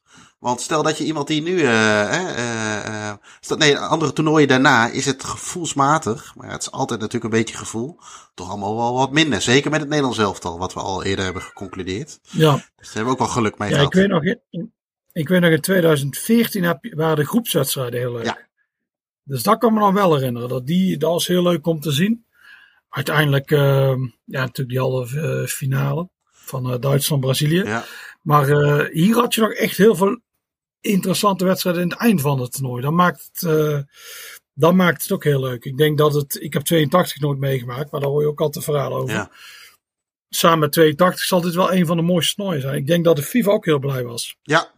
Want 90 en 94 waren eigenlijk heel saaie toernooien. Ja, ja klopt. En dan uh, heb je nu ineens weer van, ah ja, voetbal. Uh, ja, alle, alles klopt. Het was inderdaad heel vaak heel zonnig. Dus die shirts, de oranje spatten eraf. Ja. Ook dat, dat, dat, dat geel van Brazilië of Argentinië. Had ieder, zelfs landen die er snel uitlagen, zoals Engeland, die had toch een goed toernooi gespeeld. Ja. Uh, Nigeria was bijvoorbeeld twee geweldige wedstrijden. Daarna was het ineens over. Maar uh, ja, nee, dat je allemaal. Uh, dus ja, en niet zo. Ja, want nu is het dus allemaal ja, teams en zo. Het zijn allemaal collectieven. En uh, dat soort dingen. Dus Ja. ik denk niet dat we nog ooit zo'n WK krijgen. Wel dat je echt nog steeds goede voetballers hebt. Dat is nu wat we natuurlijk hebben gezien. Messi, die was uh, goed op het WK. Ja. En, uh, Nou ja, en, en iedereen is natuurlijk al kapot geanalyseerd. Hè? Iedereen weet van elkaar de sterke, sterke kant en de zwakke kant. Dat was toen natuurlijk wel wat moeilijker om te achterhalen dan nu. Dat hoor je ook wel Ja. aan de betrokkenen, zeg maar. Dat, dat ze wel iets wisten, maar vaak pas vanuit de groepsduels. Of uh, dat, uh, je had allemaal nog niet dat alles helemaal uh, allemaal bekend was. Dat scheelt natuurlijk ook. Uh, we krijgen ook overigens waarvoor dank echt wel... Ja, leuke. Het is niet om onszelf even een veer te steken in een gat wat weinig licht ziet. Maar best wel leuke reacties erop. Dus dank daarvoor. Dat is altijd natuurlijk leuk om, om, om te lezen of te horen. Uh, en zouden, zouden wij nog een keer zoiets kunnen doen, jongens? Ja, je kunt. Uh, nou, het voordeel is nu dat het een, inderdaad een jaar is dat er geen eindtoernooi is. Ja. Dus uh, ja, je kunt bijvoorbeeld in 19 of in uh, 2025 over Italië 90 doen. Ja. Alleen dat is natuurlijk een veel minder mooi toernooi. Ja. Alleen dat je nog wel echt. Uh, dus dat kun je doen. De WK in Amerika, dat is volgend jaar een haakje. Ja. En natuurlijk in 2026 een haakje. Dus je kunt het nog wel een keer doen. Maar qua ja, toernooi wordt het niet mooier als dit. Nee. En daarnaast, bijvoorbeeld 2002, heb ik niks mee. Nee, ik ook niet. Nee, nee, dat, kan, ik, ik kan, Dat doet me echt helemaal nee. niks. Daar zou ik ook geen reeks over kunnen doen. Ik heb volgens mij ook veel wedstrijden niet eens gezien. Nee. Dat mij niet, uh, mij niet zo interesseerde. 2006 was aardig. Een beetje de eh, wederopstanding van Duitsland. Maar ja, Ja, voor, ook voor Nederland niet zo, niet zo heel denderend. Uh, overigens, de eerste twee wedstrijden waren, ja, die win je dan en dan is het al klaar. Uh, maar in Nederland-Portugal was natuurlijk wel een, uh, lege, een, een historische wedstrijd. En legendarisch ook wel op een of andere. Op een, Ja, ja. op een maar toen zat ik al, al veel minder in dat uh, landenvoetbal. Ja, ja. Dat is, uh, dat is eigenlijk in 98 was dat mijn, was een beetje Piek. van 88, Ja. 8 98. Volgde ik alles en dan kocht ik elke, uh, zelfs in 2000 was het zelfs al minder voor mij, ondanks het EK in eigen land. Ja. Ik heb- ben niet eens naar een wedstrijd gegaan. Ja. Terwijl dat toen veel makkelijk was. Ja, gek is dat eigenlijk, hè? Uh, nou, Ja. ik, ehm uh, Hoe vond jij het? de reeks, ik, ja, ik vond het heel tof. Ik, uh, kijk, ik, ik, ik, ik, ik- het is een stukje voorbereiding zit er natuurlijk in, een stukje tijd. Maar de, uh, de, de mensen die we gehad hebben, buiten jou om eventjes, uh, maar de, de, de externe gasten, om het maar zo te noemen, of de gasten, uh, de externe mensen die daar aan mee hebben gedaan, die, die wisten allemaal ook mooi te vertellen. En die hebben eigenlijk ook allemaal individueel of onafhankelijk van elkaar dezelfde reactie als jij had. Uh, het was even geleden, je moet er weer even induiken. Sommige dingen moet je even opgaven. Uh, maar uh, die vond het allemaal leuk om, om hier aan mee te werken. via deze weg nog even ook een bedankje voor iedereen die te gast is geweest in deze podcast. Maar voor iedereen gold, eigenlijk dat, of geldt eigenlijk datzelfde. De, de, de, de, de journalisten, nou ja, de, de, Mario van Ende, de scheidsrechter, de huidige journalisten die er naar keken als toen zij op dat moment jong waren. En uh, straks zul je ook aan, uh, aan uh, de laatste uitzending met Pierre van Rode ook wel merken dat hij, ondanks dat ik me best voor kan stellen dat hij wel eens moe zou worden van de vraag van was het een penalty of wat vond je ervan? Ik denk dat die vraag niet eens hoeft gesteld hoeft te worden, want het antwoord is wel duidelijk. Maar ook die kijkt, ja, die keek ook terug op een, ja, op een fantastisch WK en vanuit zijn perspectief. En dat is denk ik ook het mooie, is dat we vanuit verschillende perspectieven hebben we denk ik wel redelijk mooi op, ik wil beeld zeggen, maar op audiotape kunnen krijgen, hoe iedereen dit WK beleefd heeft. Ja. ja, het blijft ook het mooiste natuurlijk, zelfs nu nog. Uh, die drie Europese finales van dit jaar, zo uh, City, Inter en uh, Roma, Sevilla. Ja. En Fiorentina, West Ham, daar heb ik geen seconde van gezien. Ik uh, kijk echt nooit Champions League. Dat boeit me echt, echt 0,0. Nee. Terwijl daar het niveau waarschijnlijk qua voetbal beter is dan waarschijnlijk een Manchester City nu zal wel winnen van uh, wie is nu wereld, uh, Argentinië is nu wereldkampioen in dit geval. Die winnen wel makkelijk van Argentinië, denk ik. Ja. Alleen ja, het heeft geen. Ja, de hele Champions League heeft echt geen ziel meer. Nee. Want eigenlijk diezelfde groep met wie ik, waar we ook deze wedstrijd naar keken, we hadden traditie. Als de Champions League werd gespeeld, dan kwamen we ook altijd samen om Champions League Ja, finale dat te deden wij kijken. ook. Klopt. Maar die is op een gegeven moment ook gewoon gestopt. Klopt. Daarmee, of wij, wij zo, ja, het is eigenlijk niet meer zo heel Nee. boeiend. Dus, eh, En dat is ook het mooie aan zo'n landentoernooi, hè? Want dan ben je afhankelijk, eh, wat we al eerder zeiden, van de linksback die je hebt. Dan kun je niet even Ja. een eh, nieuwe linksback kopen of een nieuwe spits kopen. En Dat maakt het. maar eh, Spanje doet dat wel eens, hè. die halen wel eens die natu- En de Portugal, Oh ja, ja. die... eh, ja, er worden wel zo hier en daar wat mensen geneutraliseerd, omdat ze ver weg een, toch een Pools paspoort hebben. En dan in het nationale elftal van Polen kunnen spelen, bijvoorbeeld. Terwijl dat misschien niet zo, Ja. niet zo normaal is. Maar dat vind ik dan nog beter dan iets, bijvoorbeeld in dit WK 98 had je Wagner Love voor Japan. Ja. En dat is gewoon een Braziliaan die vijf jaar in Japan speelde. ja, dat is anders. Die, eh, ja. Ja. Ja, maar gelukkig zie je het niet zo heel vaak. Nee, nee. Nee, ik, heb, ik Het vond het ook mooi eh, dat eh, Douglas toen niet voor. kijk, als jij nou een Nederlandse opa hebt, daar zou ze ook eigenlijk een grens moeten trekken. Hè, dat één of twee, twee generaties verder. Dat dan, nou oké, dan, dan kan ik me er nog wat bij voorstellen dat je dat doet. En niet dat jij dat in, in de tijd van Napoleon jij een, een, een, een Braziliaanse vader hebt gehad, terwijl jij geboren bent in Denemarken of zo. Maar daar vond ik het ook mooi dat Douglas uiteindelijk geen, eh, niet genaturaliseerd werd tot Nederlander. Want dat vond ik helemaal nergens op slaan. Ja, Dus, eh racist. nee, maar dat, kijk, eh, voetbaltechnisch kon je hem er toen goed bij hebben. Maar het, het slaat toch, dan, dan gaat dat hele idee van landentoernooi ook alweer ja, helemaal, nee, dat vind ik ook. Dat is, Omdat hij toevallig dan lang in Nederland zat. denk ik, ja, ja, weet je, zo ken ik er nog wel tien. Ja. Maar goed, eh, laten we het leuk afsluiten. Eh, niet, eh, nogmaals, een fantastische serie, denk ik. Leuk om, om gemaakt te hebben. Ik denk ook voor de luisteraar leuk om te luisteren. Eh, ik zou zeggen, eh, Joris, eh, dank eh, voor jouw bijdrages aan, of bijdrage aan, aan deze reeks. En voor de luisteraars zou ik zeggen, bedankt voor het luisteren. En vergeet niet mee te doen aan de prijsvraag, want we zijn ook uiteraard heel erg benieuwd naar jouw mooie herinnering aan, aan dit WK 98. Terwijl de microfoon uit mijn handen mietert. ja, dat is actie. Eh, en ik zou zeggen, nog veel luisterplezier bij de laatste aflevering met Pierre van Hooydonk. Au revoir. Bedankt voor het luisteren naar deze aflevering. Vergeet niet op deze podcast te abonneren om op de hoogte te blijven voor nieuwe afleveringen. Vragen, tips of opmerkingen over de podcast kunnen gestuurd worden naar podcast.staantribune.nl. En voor vragen over boeken en magazines verwijzen we jullie graag door naar www.staantribune.nl.